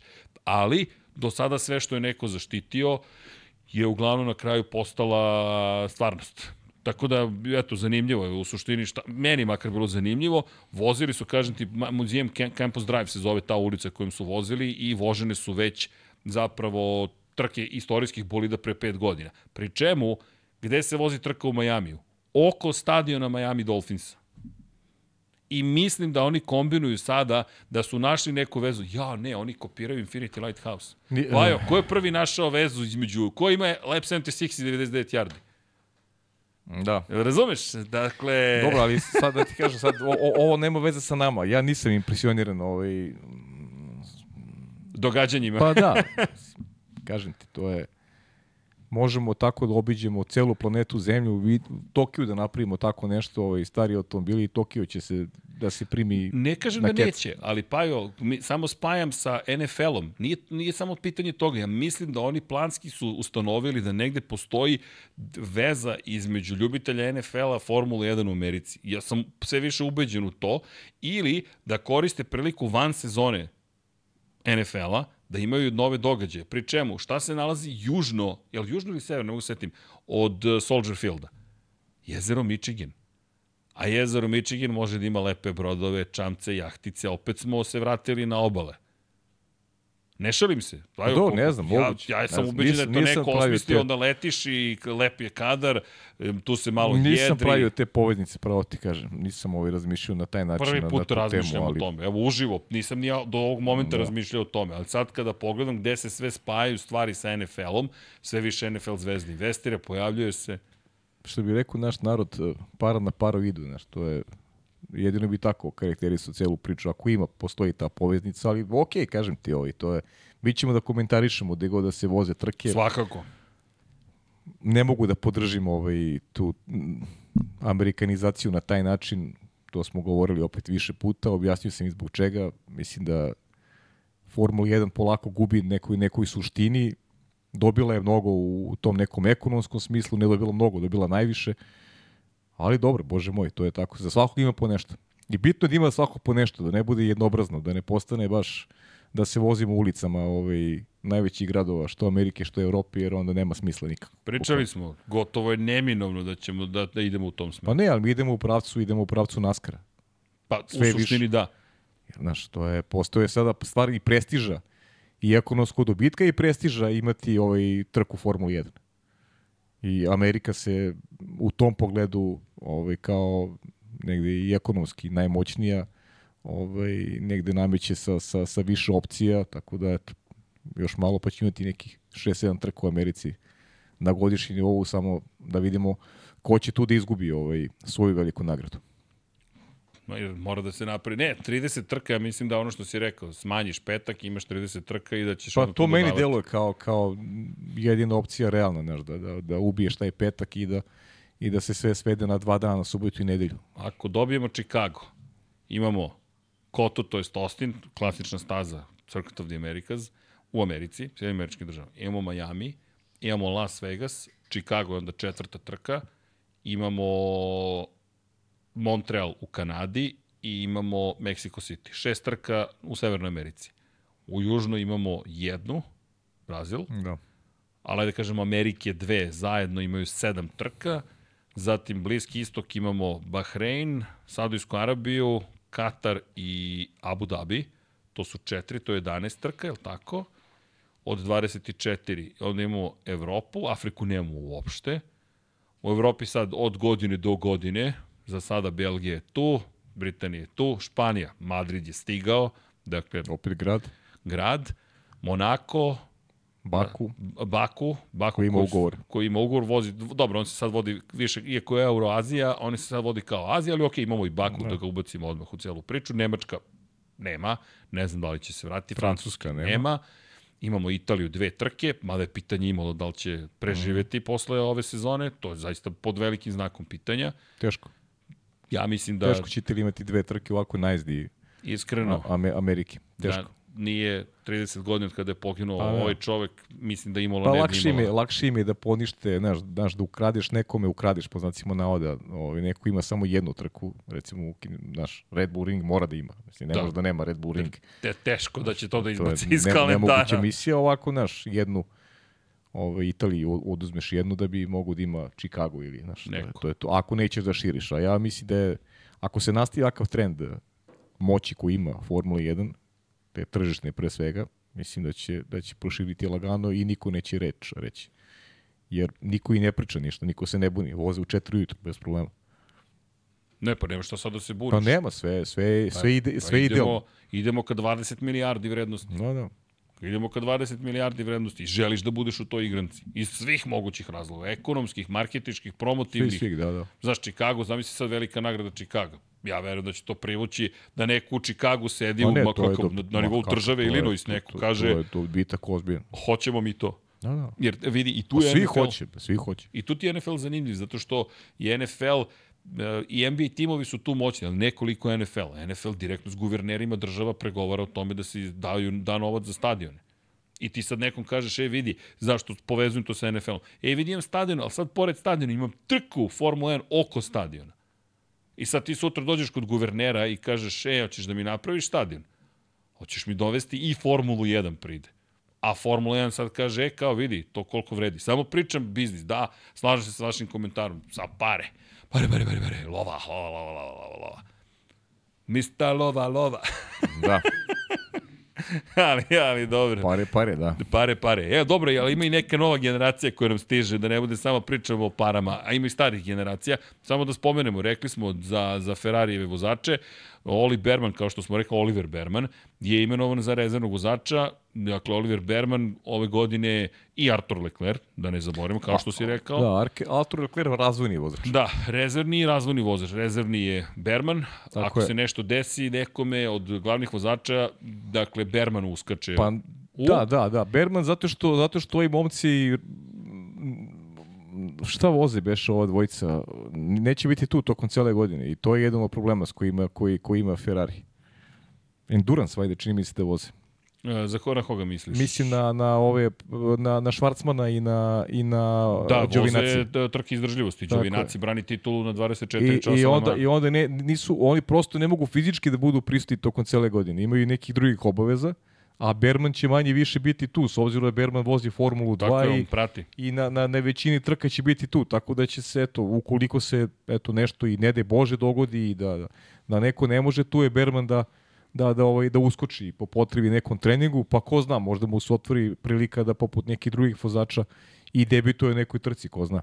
Da, inače, ove godine Antonelli, Kimi i Andrea Kimi, Antonelli da, i, Berman, i Berman su zajedno premi, premi da, u Formuli 2. Da, samo što su Antonelli. dva tabora, Kimi Antonelli i Mercedesa, Berman je onako što se kaže Ferrarijevo, Ferrarijevo dete, baš kao i Artur Leclerc. I od Bermana mislim da se očekuje dosta u toj Ferrarijev akademiji, mislim da, da su mu stavili do znanja. I prošle godine nije bilo konstante, ali je zato te pobede koje izvojao ta četiri triumfa su stvarno bila fantastična. I jedan od, eto, znaš šta je interesantno? Ko su rezervni vozači Ferrarija? Jedina dvojica vozača u novoj istoriji koji su pobedili istog trkačkog vikenda u Formuli 2. Dakle, pobedili i subotu i nedelju u trci. To su samo uradili Oliver Berman i An- i Antonio Giovinazzi. A, nisam U- to u- znao. u Formuli 2, da. A, a, to, To je, to je interesantno, da. Znači, Berman je... Od njihovih vozača. Ili o- generalno, Od svih uopšte. vozača. Od Wow. svih vozača. Pobediti... U savremenoj Formuli Tako 2, je, da, da. pobediti i subotu i nedelju, to su radili samo Antonio Giovinazzi i, i Oliver Berman. Čekaj, si siguran, zar nije pobedio Drugović? Fili... Čekaj, Felipe, zar nije Felipe? Nisam siguran si da zbunio, Možda jeste. Filipe, da. Fe, zar nije Felipe bio prvi od Antonija E, bravo, jeste, je Fili- bravo, Filipe Drugović. Felipe. Bravo, Čekaj. Filipe je bio prvi od Antonija, pravo si, Filipe, Jer bravo, zaboravi, smo bravo, ti ja pričali, pričali, o Giovinaciju Tako kao je. poslednjem koji je to učinio Bravo, i Felipe 2022. u šampionskoj sezoni. Sad se sad se bravo, pravo si, jeste, Filipe uradio, pravo To si, beše pravo, ja sam Barcelona. zaboravio, ja sam Jel zaboravio. to, čekaj, čekaj sad da vidimo, jel to Barcelona, Barcelona, pa bravo, sećaš kako bravo, je Srđan. dečko vozio na strategiju? A, pamti se i dalje Pamtiš, godine. bravo, svaka čast.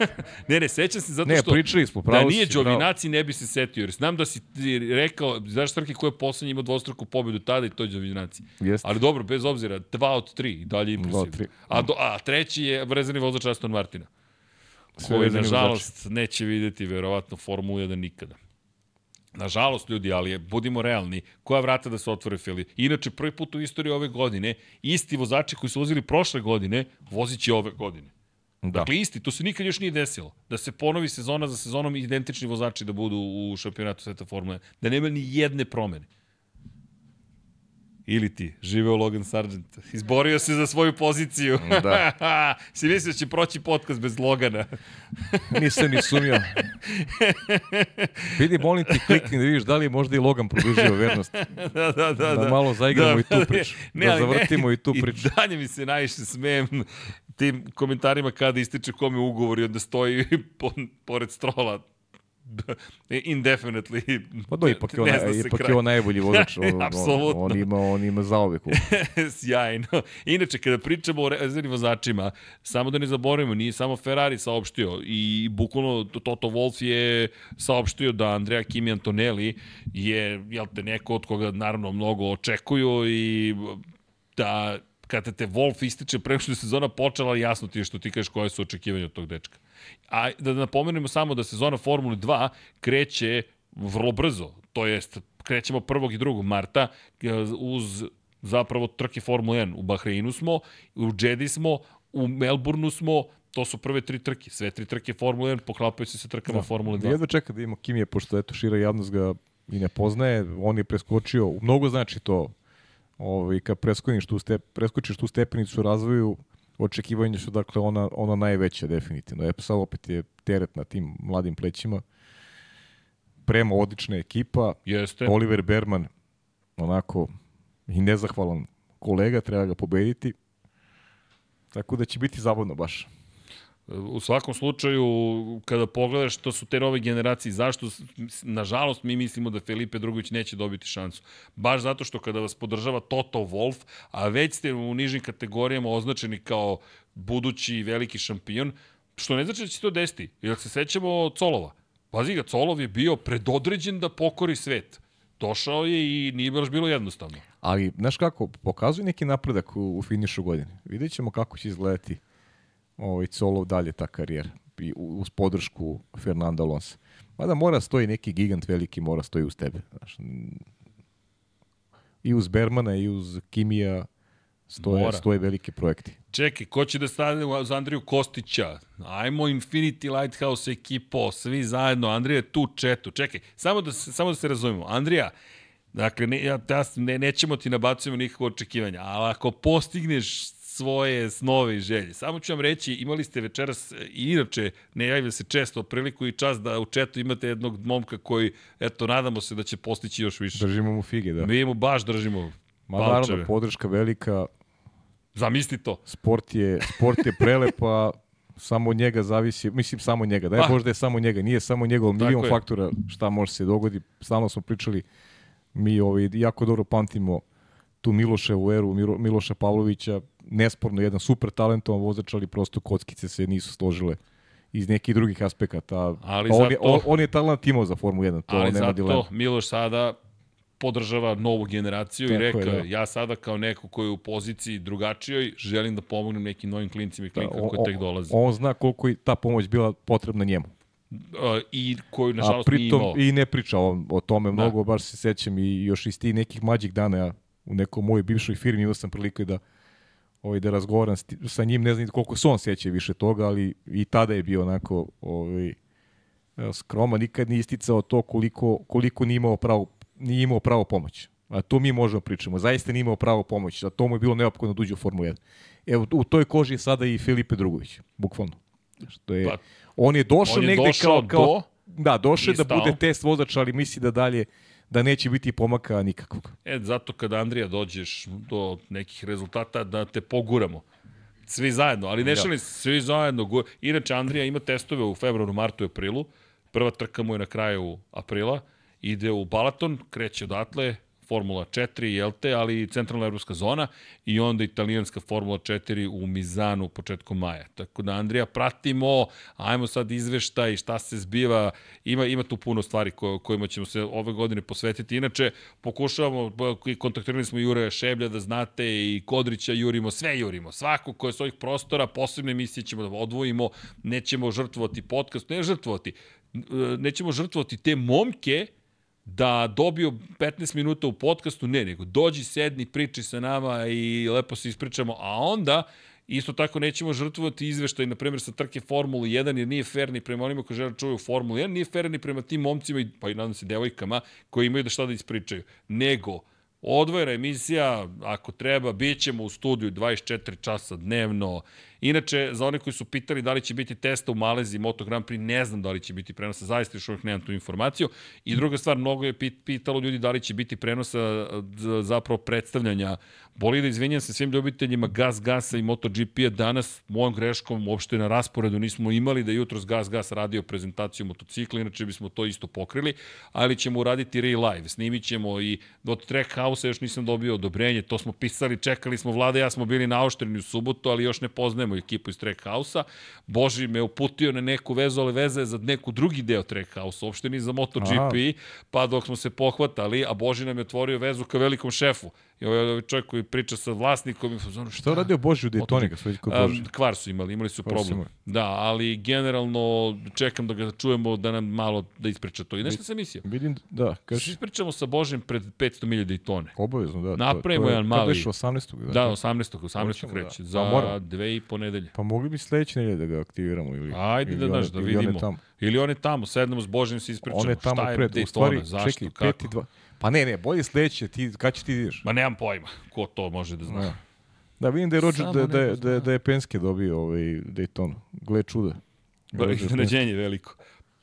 Izvinite. U svakom slučaju, da, eto, novi klinci stižu u Formulu 1, a s druge strane imamo situaciju u kojoj eto, neki koji su svali Formulu 2 ne mogu da, da nađu prostora za sebe. I to ti je sad opet ta ironija. Pa to ti je ta igra. u Formuli 2 i nemaš pa mesta. Pa nema, dobro, to je sad... Ni u Formuli 2. Nemaš, nemaš zagarantovano i, i, i zato, zato ovi momci su i želi da imaju taj, te ugovore koji ih uvode i u ovu novu eru Formuli 1. Jer ti, ti mladi, mladi ovaj, momci kucaju na vrata i sigurno će neka mesta biti otvorena. Ja stvarno mislim, negde verujem da, da Ferrari želi ovaj, da proba sa Bermanom. Odavno mi je to ovaj, neka, neka ovaj, opcija i naravno malo sam i, i čitao ovaj, italijanski medije na tu temu, pa Vajte, vidjet ćemo. Mnogo zavisi naravno od, od olijeve sezone ovaj, u, u Formuli 2. Imaće dobrog konkurenta sva je prilika ovaj, u Kimi Antoneliju Biće zabavna Formula 2 da od početka. I vredi, vredi pratiti. E, posle Albert Park, inače Imola, pa Monaco, pa Barcelona, to je Katalonija, Red Bull Ring, Silverstone, Hungaroring, Spa, Monza, Baku, Lusail i Jas Marina na kraju sezone. Ove godine opet imaju pauzu dva i po meseca. 15. septembra Baku i onda 30. novembra trka u Lusailu. Ima, koliko ti ima vikenda? To ima neki 13, da? 14. 14 ove godine. 14. Znači oni su povećali jedan vikend više. Da, da, 28 trka ima ove godine. 28 trka u Formuli 2. Baš su napunili su kalendar. Mm. I pre čemu uz nove bolide, pazi, mi ne znamo sad kako će funkcionisati ovi novi bolidi. Yes. Osim što izgledaju svemirski, mi ne znamo mnogo o njima. Kako će, to zaista izgledaju svemirski, meni izgledaju moderni Formula 1. Ne šalim se stvarno, ona zaobljeno zadnje krilo, prednje i mm. granične ploče, baš su lepo napravili bolid ali niko ne zna zapravo kada dođe do trkanja. Istog da ne bude ko sa ovom pričom o Formuli 1. Biće neizvesnije trkanje i onda dođe Max i kaže pa, da, neće tako i biti, za drugo i treće isto. mesto. Neće se tu suštinski imati. Ma dobro, ove, ove nižnim serijama znaju da budu trke baš dobre. Dobro, u Formuli 3 je... da. u Formuli 3 je večita zabava. ali dobro, bajte, da ne, da ne trčimo pred rudu. Pratit ćemo italijansku Formulu 4. Pa ne, ove godine to mora se isprati da kako dolikuje. Da, inače, kada već spomenju Formulu 3, samo kratko, pa da se vratimo na Formulu 1. Ima još priča iz Formule 1. Počeli su da slažu Visa Cash App RB ekipu. Dakle, polako li sigurno se kockice tamo slažu. Da ne kažem kartice. Kartice, kartice. Kartice su složene odavno. E, vlada si dalje smeje. E, sve. on, se, on se smeje na, na kar... Pa on, je, on vežba taj smeh. On preko nedelje vežba smeh. Ka sad. Ne. E, ima dugme, znaš, ima dugme. da sebi izbaci gore. Aplauz. Uh, čekaj, zaglavio, sve si zaglavio, ne mogu da dođem do kalendara Formule 3, ali dobro. Da, inače, nema. Dobro, oni manje trke imaju, oni neki 10-11 verovatno, manje vikenda imaju. Pa, pretpostavljam. Ali, Uvijek su imali manje. Kada pričamo o, o zapravo izmenama, to jest ne izmenama, novim ljudima, ozbiljno saopštenje je stiglo iz eh, RB ekipe, pretpostavljam da je to najadekvatniji naziv zapravo za, za ekipu o kojoj pričamo i Tim Goss je imenovan za, za glavno, Chief Technical Officer, da, da kažemo tehnički direktor i u pitanju Uh, Guillaume Catelani je imenovan za njegovog zamenika, a Alan Perman je zanimljivo je trkački direktor. I Alan Perman nam je vrlo zanimljiv. Pričali smo Alanu Permanu i pre jedno dve nedelje, tri. Pričalo se o tome da stiže nazad u Formulu 1, sada je to potvrđeno. Inače, kada pričamo o Permanu, pričamo o čoveku koji je zaista dugi niz godine zapravo bio u Formuli 1.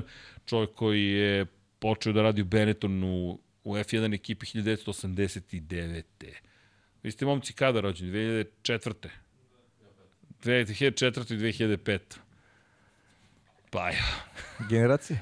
Ma, pa ja, uskoro će da se dolaze ljudi koji su rođeni kad smo počeli da komentarišemo.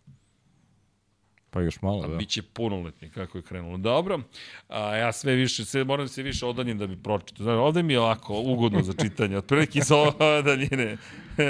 znači, tu smo negde, ali dobro. Imaš pravo da i neke naoče da nabaviš, znaš. Da, znam, imam... Ne znam da su ti rekli, da. Ovaj, proveriš, vidi, znaš, dioptriju i ovaj, znaš. A ne znam, ako, možda nisi znao, nemam pojma.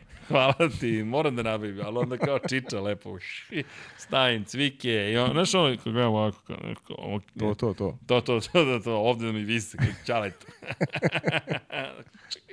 ja moramo da ih modernizujemo, da ih izlepimo, da to izgleda dobro.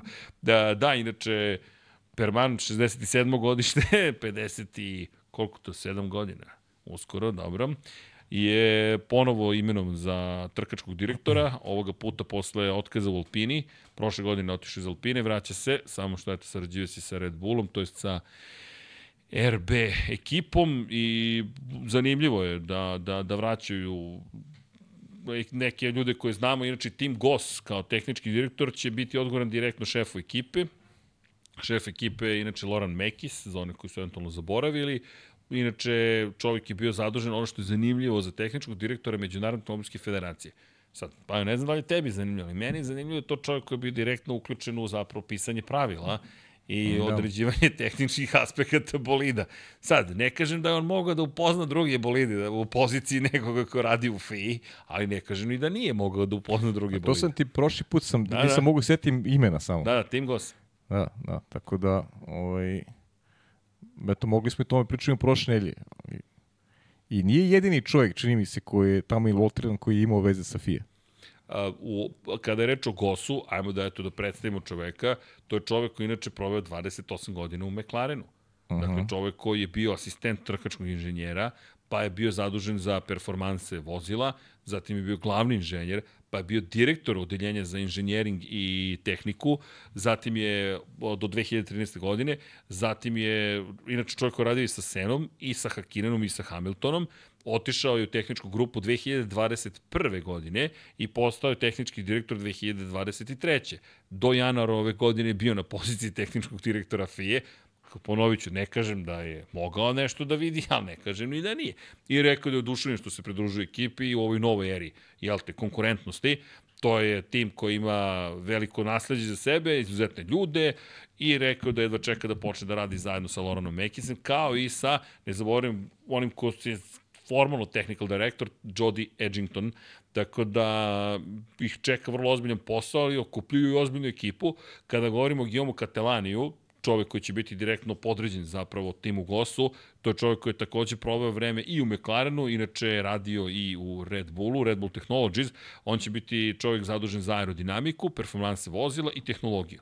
Tako da će od njega zavisiti zapravo da postavi ciljeve za ovu sezonu u tim područjima za koje je odgovoran, a rekao da je fantastično što dobio priliku da radi u ovoj novoj ekipi i da jedno čeka da započne svoj porad sa Jodijem, kažem, malo citiram iz zvaničnog saopštenja i ono što je konačno jeste bilo saopštenje jeste da je Alan Perman čovek koji je eto dobio ulogu trkačkog direktora sad stupa na snagu odmah, dakle ta odluka, i bit će zadržan za sve inženjerske aktivnosti na samoj stazi, naravno da, da, da je čovek koji, eto, kažem, 34 godine iskustva u Formuli 1, čovjek koji je bio sportski direktor, čovjek koji je bio i trkački inženjer, prošao i Benetton, i Renault, i Lotus, i Alpinu, ne znam, da li postoji trenutno neko iskusniji od Permana, i rekao je posle par meseci pauze, jel te, lepo je vratiti se trkanju sa vi za Cash PRB ekipom. I samo je prosto rekao da zna koliko ova ekipa fokusirana na uspeh. Meki se isto obratio javnosti u zvaničnom saopštenju i rekao da su ova zapravo imenovanja nešto što donosi ozbiljnu ekspertizu ekipi, mogu samo da se složim. Jer pazi, pa je, ovo je sada tim ljudi koji dolazi iz mnogo većih timova nego što je ikada bio Toro Rosso, Alfa Tauri, Minardi, kako god želimo da ga zovemo. Mislim da je Peter Bayer takođe. Mislim, e, nisam siguran. Mislim da je on, da on je priča, bila je priča da je on imenovan u, u izvršnog direktora. E, moram ti priznati. A on ti je on isto čovjek koji imao veze sa, sa, sa, sa FIA. Imenovan Peter Bar. Pa bila je priča da je, da je imenovan u izvršnog direktora, proveri. Mm, samo da vidim, e, da, to je prijelo pre par dana, ali nisam siguran da li je imenovan. Proveri. Sad ćemo da vidimo. Tako Alfa da, Tauri... Stvarno jedna ozbiljna, onako interesantna ovaj, grupa ljudi koje se, koje se okupilo u tom projektu. Da, izgleda da jeste. Pa ja mislim da jeste, da. Da, da, da, da, da, da upravo si, upravo si. Uh, I on je imenovan prošle godine još za izvršnog direktora Alfa Tauri. Pa da. To je negde, to nije, to je kraj negde godine bio. A, a mislim da je da je on ovaj on isto imao, on isto vez imao imao veze sa FIA. Uh, Radio u Mercedesu jedno vreme. On je. Punjač sam izvukao. Da, nema veze. Uh, da, Bayer, ono što znam da je još jedan iz austrijske te, da kažeš, grupe, pa da, da. Radio ljudi Mercedesu bio, radio je sa, sa Toto Wolfom je radio Lepo. i... Baš jedna, kažem, baš zanimljiva grupa. Da. ekipa. Da. Jest, jest. I kada pogledaš i spisak sponzora, ne samo Visa Cash App, već imaš i Njeft, vodku, Extemte Racing, Orlen, Vizu, Randstad, Cash App kao proizvod Orlen, opet poljski Orlen je prisutan, dobro, Epicor i uh, imamo, dobro, Red Bull kao najveći, da kažemo neki, ne, ne znam ni da li je garant ili šta je već u celoj priči, ali ekipa koja deluje sve ozbiljnije, još uz Daniela Ricarda, pa i pre, o, o, čoveka koga, hajde, vidjet ćemo, inspirisao Daniel Ricardo Juki Tsunodu, deluje kao tim koji bi mogao da bude i uz postavku da je konceptualno to identičan bolid Red Bullovom, ko zna, možda taj tim bude zapravo mnogo veće iznenađenje nego što i ko očekuje od nas, trenutno. Pa vidjet ćemo. Znaš, da, pazi, ovo je ozbiljna grupa ljudi. Kako nije? Kako baš nije, je ozbiljna grupa ljudi. Jeste. I, Jeste. ali pazi što je zanimljivo. Od eh, toga da hoće da prodaju ekipu do toga da sad prave, ne znam, ovo je neki... Ne, znaš kako, kao u superherojskim filmovima imaš Avengers ili Justice League i onda imaš ove manje superheroje koji dobiju, ne znam, na Netflixu ali, ili... Ali opet, Srki, kad je izašao neko od njih i rekao hoćemo da prodamo ekipu? Nikada, samo se spekulisalo. Tako je, nisu oni nikada odgovarali na te spekulacije. Samo se spekulisalo. A čim ne odgovoriš, onda, onda se one pojačavaju. Da, ali jednom si ti ali su, se pon, ali su se ponašali generalno kao da ih ne zanima. Pa, pa, pa i od početka do Alfa Tauri imenovanja tima delovala kao da nisu mm, zainteresovani. Da, da. Sada uz ova imenovanja deluje mi potpuno drugačije. Tako je. Da li su nam, da li su nam povode da, da, da verujemo da njih to ne zanima? Ja bih ovu ekipu sve više gledao, moram pa, naravno, ti priznam. Sad, posle ovih sigurno. imenovanja, to su možda i najveće vesti, jer Norris je već bio u McLarenu i ne, ipak je to najveća vest, ali ali ovo kada pogledaš, to su ozbiljni ljudi koji dolaze Tako u tim koji ima sredstava, pogotovo u ovoj eri Formule ne moraju oni sad da brinu o tome da li će biti para. A tu deluje, deluje da će rezultati biti bolji, a šta to znači? Da bi mogli malo da promešaju karte?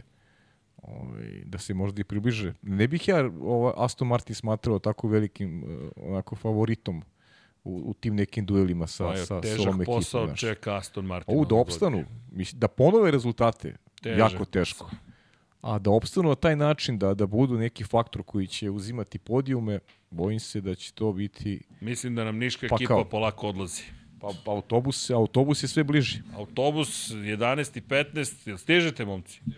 Ako ne stignete, javite se. Da nije bilo promjena u 2023. za ovu sezonu. Dobro. Ali Do, ok, Nik, da. da, Nick De Vries, ali pa da, da kažu da, ali... ekipa koja je završila, završila sezonu da, da započne, nikad se ne desi, ali ste u pravu. Momci, Vries, jeste. Kada to sput nanese, dođite. Pravo ste, god, pravo ste, izvinjavam se. Kada god možete, Nepotpura informacija i... s moje strane. Momci, hvala i za znanje i za lepo druženje. Nadam se da mi je bilo zabavno. Šta da vam kažem, kad god ste u Beogradu, svratite. Imate gde. Srećan put. Ako pobili autobus, isto se javite. Budite dobri. Ćao.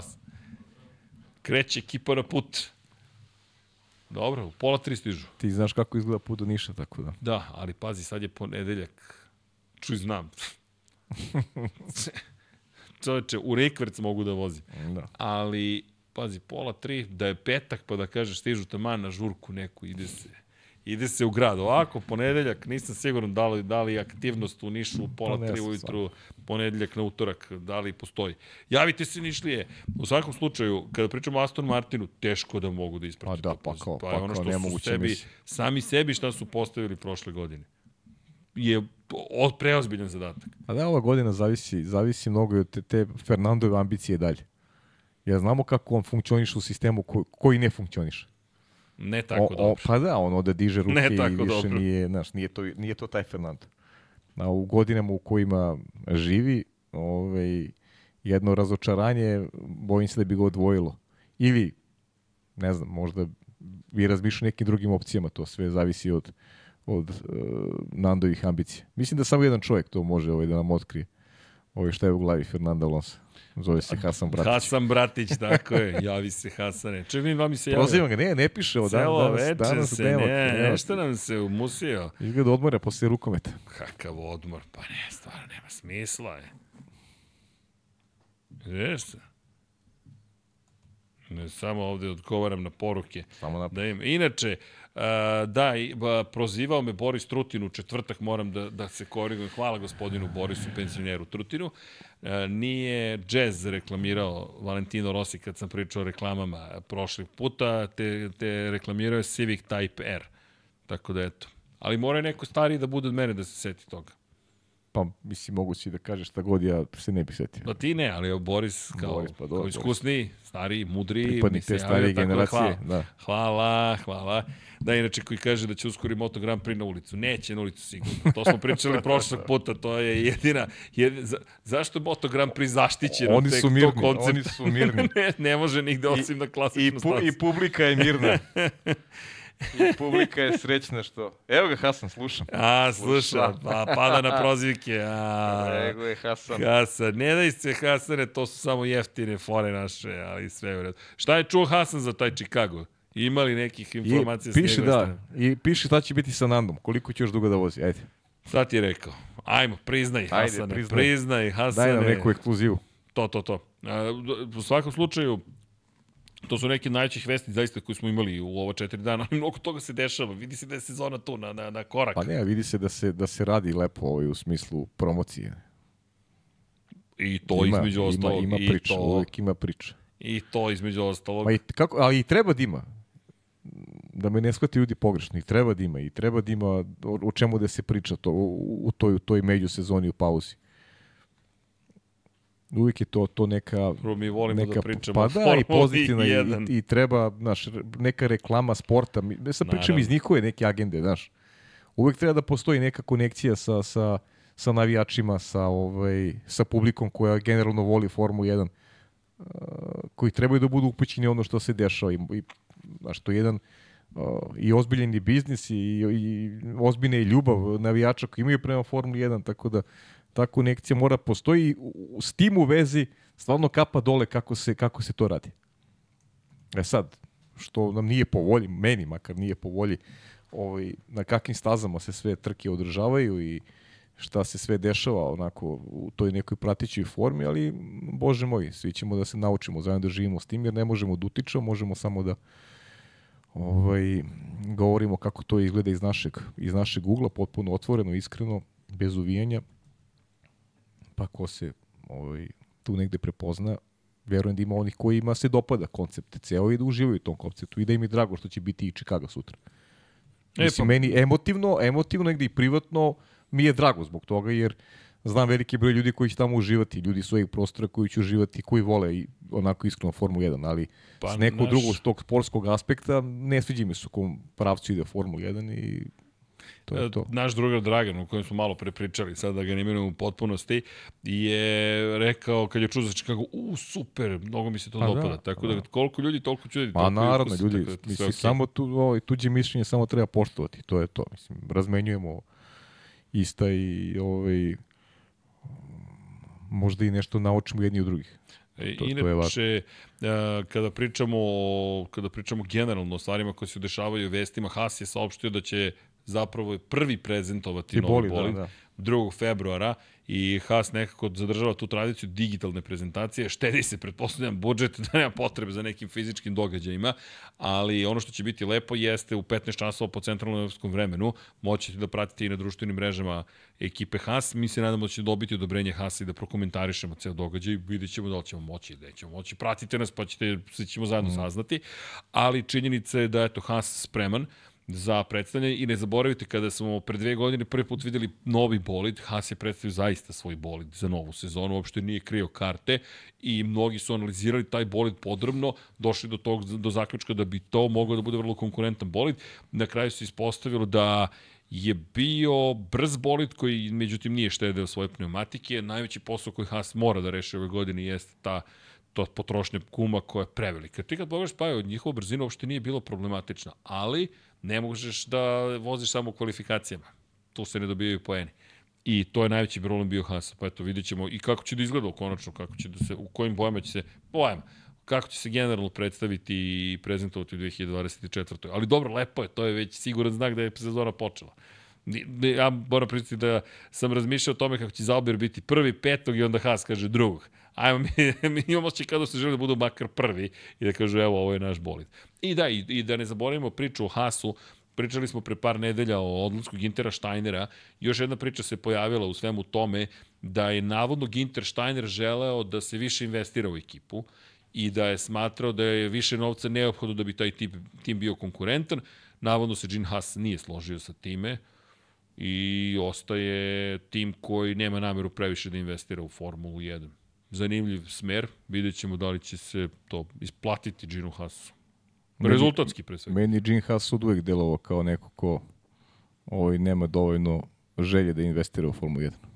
Da, delo je kao da je to, ali, to nije plan. Ali ne znam, znaš, šta je, šta je neka poveznica, znaš, šta mu je interes da se reklamira kroz Formulu 1. Ne, ne znam, mislim, to je, to je ovaj, pitanje za Gina Hasa, volio bih da jednom objasni ovaj, uh, neku, neku svoju ideju, viziju onoga što je imao prva godina i prve godine jako uspešne, a onda kasnije sve gore i gore i moram ti reći da, da najmanje ovaj, za to krivim lično Gintera Steinera.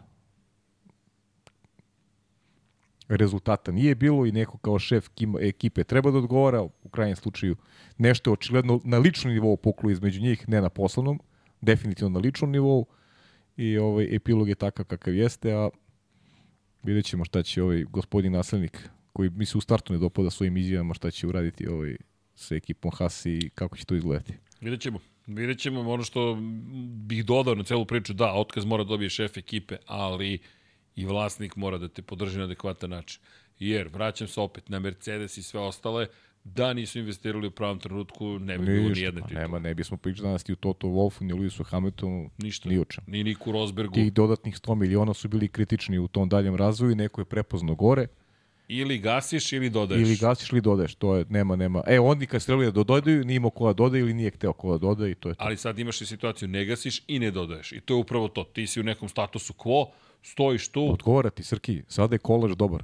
Da, da, okej, okay, sad si miran prisustvo, do daljnjeg. Prisustvo tvoje unutra očigledno ti daje neki, neki ovaj... Pa to je ono što smo pričali malo prevezano i za vozače. Znaš, tu se sad pokazuju pravi. I to je sad test i za, i za Landa i za, i za uh, Leclerc. Si rešio neko svoje životno pitanje kada pričamo o novcu? Rešio si. E, sada vidimo koliko te to pokreće, sad taj mir koji imaš. Koliko te pokreće na tom sportskom nivou da, se ti, da ti budeš bolji nego što jesi. Da li sad kad imaš milione osigurane, da li će te to pokrenuti i da li ćeš ti živeti uh, sportski i, i pos, da raditi na sebi da, da u tom smislu onome što tebe negde ovaj, Uh, je i preporučilo da dobiješ takav novac, da ti napraviš tu neku nadgradnju, napraviš iskorok onome što su, što su i očekivanja javnosti, pa i tebe samo u krajnjem slučaju. Da li, da, da li ta, ta želja, taj nagon da, da ovaj, e, radiš na sebi iz dana u dan, da se odričeš nekih drugih pratećih stvari, ili ti možda i stvari koje, kojima je teško doleti, a opet ti si uspevao to kao mlad čovjek, da li sada to i dalje radiš i ponašaš se na isti način kao pre ugovora koji ti obezbedio život. Tako da imaš test i test ličnosti imaš u neku ruku iz, iz pozicije i Landa Norisa i, i Charles Leclerc. I nadam se da će obojica taj test položiti na način koji nama sa strane ovaj odgovara. A odgovara nam da njih dvojicu gledamo u boljim izdanjima, da ih gledamo gladne trofeja i u borbi za ono što, što treba negde da, da, da okruni njihovu, njihovu karijeru. Inače, evo postavljam pitanje, pošto nisam, odavno nismo postavili pitanje, ali evo, odgovorite vi, da li je pravi potez povukao Lando Norris potpisivanjem ugovora s McLarenom ili ne. Uh Mhm. -huh. Pa eto, čisto da čujemo i vas, ka, kako je vaše mišljenje o cijeloj priči. E, kada pričaš o ovome, e, lepo si rekao, ti si sada rešio svoje životne pitanja, nema, miran si po tom pitanju, miran si po još jednom pitanju, makar za sada, i to mislim da je ono što smo i pričali na početku kada je reč o Saincu i celoj situaciji. Lecleru je stavljeno do znanja, ako ne eksplicitno, implicitno svakako, ej, ti si naš čovek, ti si Ferrari čovek do dalje. Pazi, on će imati 10 godina, to smo pričali u ugovor. Lando od 2019. je tu. Dakle, 19. 20. prva, druga, treća, četvrta, šesta godina, sedma, osma, ti dolaziš do 8 godina u ekipi McLarena. Ti sada već postoješ ozbiljan deo istorije tog tima. Tebi je poruka jasna, ovo je tvoja porodica, ovo je tvoje mesto. I, pazi, slušaj reči koje su upotrebili kada je reč o, o Landu Norrisu. McLaren smatra da je to čovek koji je na nivou velikana Formula 1. Da on je među onim najvećim vozačima i da je on takozvani championship material mm -hmm. ili ti da je prosto ranga šampiona. Da kada ne kažemo da ima sve što je potrebno da bude među najboljima, čak je Andrea Stella otišao toliko daleko koji inače radio i sa Fernandom Alonso, s Kimim Rekonem, s Mihalom Schumacherom, da kaže prosto da je u istoj kategoriji. Da ima ono što je neophodno da bude šampion, talent, razmišljanje i radnu disciplinu. I da je spreman za te uspehe. Rekao je, istovremeno kada razmišljate o šampionima, po svako ima svoju karakteristiku i ono što je jedna od glavnih karakteristika, međutim koji ih sve ujedinjuje, je da oni konstantno napreduju i da se unapređuju iz godine u godinu. To je sjajno. Znaš, to je ono što, što nam je potrebno svima. Zato i govori, ja ne pričam ovo iz, iz aspekta znanja. Jer nikad nisam bio u prilici da zaradim milione, pa da znam kako bi se ponašao posle toga. Znači, nikom, ovo nije nikakva sada e, kritika ili, znaš, neko će se uobraziti, ne. Nego to su stvarno karakteri momci, ako, ako mogu e, ovaj, i dalje da nastave da, da, da, da, da radi na svom i mentalnom i fizičkom zdravlju i da uprkos onome što su e, tom velikom novcu koji su već zaradili, obezbedili, obezbedili su sebe, obezbedili su pokoljenja su obezbedili, ali da i dalje mogu da, da, da, ovaj, da guraju sebe napred i da, i da to u sportskom smislu ovaj, se konstantno dokazuju i kao što kažu McLarenu napreduju. E, stvarno vidimo u bojci tu vrstu materijala, I, I zbog toga se raduje novoj sezoni, jer vidim kako, jedva čekam da vidim kako će tim novim ulogama, ovaj, kako će se ponašati i, i, i kako će da rastu kao, kao osobe i kao, kao sportisti. I želim im od srca da jedan i drugi ovaj, na, na tom polju ne iznevere sve nas koji volimo Formulu 1, jer uh, u mnogome uh, od njihovih izdanja zavise sezone koje slede. Jer oni su ti koji treba da utiču da šampionat bude neizvesniji, da, oni su ti koji treba da se približe Maxu Verstappenu. Max koji je sada referentna Ma, tačka. Max je, Max je baš... Bukvalno je referentna tačka. Vidi, ne znam da si primetio, Max nismo ni prišli večeras. A, a šta da pričaš? A nema, nema, nema. Čovek priča na stazi, on je svoje rekao. Bar- Trostruki šampion. Ma ne, Legenda. danas, kažeš ti, sa, pričam s Đorđem i komentarišemo o kom koji kaže počeo sam da gledam Moto Grand Prix zbog Maxa. Pošto kaže, hoću neko trkanje. Aha, da, znači, da, da. počeo bukvalno gledam Moto Da, da, Inače, ja- voli Formulu 1, Sjajno. obožava Formulu 1. Sjajno. I nije motociklaš, nije uopšte u motorima. Kaže, počeo sam MotoGP zbog Maxa da Gledaj, gledam. gledaj Daytonu 18. Eto, ako gledaš podcast večeras, gledaj Daytonu 18. Biće to dobro. Stvarno kultna trka. To će, dobro, to da. će baš biti dobro. Ali u svakom slučaju, kada je reč o Maxu, šta da kažeš uopšte? šta da dodati nam na Maxa? Max je to postavio na mesto koje... Inače, Lando je rekao za McLaren, to sam zaboravio da napomenem, Mhm. da za njega uopšte nije bilo dileme da, da li treba da produžiti ugovor, ali zašto? Zbog emotivnih veza. I to je ono što mislim, mislim da si ti se dotakao nečega, ajde da pokušam da to objedinim u jednu misao, nadam se, a to je nešto, m, ispravi me ukoliko grešim, ali mislim da te tek sada razumem Ovih dana sam to tek shvatio kada pričaš o Charlesu Leclercu. Inače, pozdrav za Svetomire, našeg dragog drugara, jednog od najvećih navijača Ferrarija. A to je zapravo, Deki i ja smo imali taj stav, Deki ga sigurno još uvijek ima, da moraš da se ponašaš na određeni način da bi bio šampion. Ali to je suprotno od cijeloj mojoj filozofiji, filozofiji koju mi guramo Infinity, a to je da možeš i da budeš drugačiji. Šta hoću da kažem? Mislim da si lepo rekao, ja bojim se da je Deki više u pravu, ali bih volio da, da se i ovo desi što ti želiš, a to je da je Charlesu Leclercu pa i Landu Norrisu potrebna druga vrsta atmosfere. Ne atmosfera u kojoj se gaja ajkule, kao što je Red Bull, koji je našao svoju ajkulu, koja jede sve, već to su, ne mogu kažem baš delfini, oni nisu baš najnežnije stvorenja, ali da kažemo delfini, gde ti je potrebno ljubavi malo u ekipi i da te podrži i da te zaštiti od onoga da si ti slab. Jer nisu svi Max Verstappen. Da su svi Max Verstappen, ne bi, ne bi smo, smo ovakve trke. Ne samo to.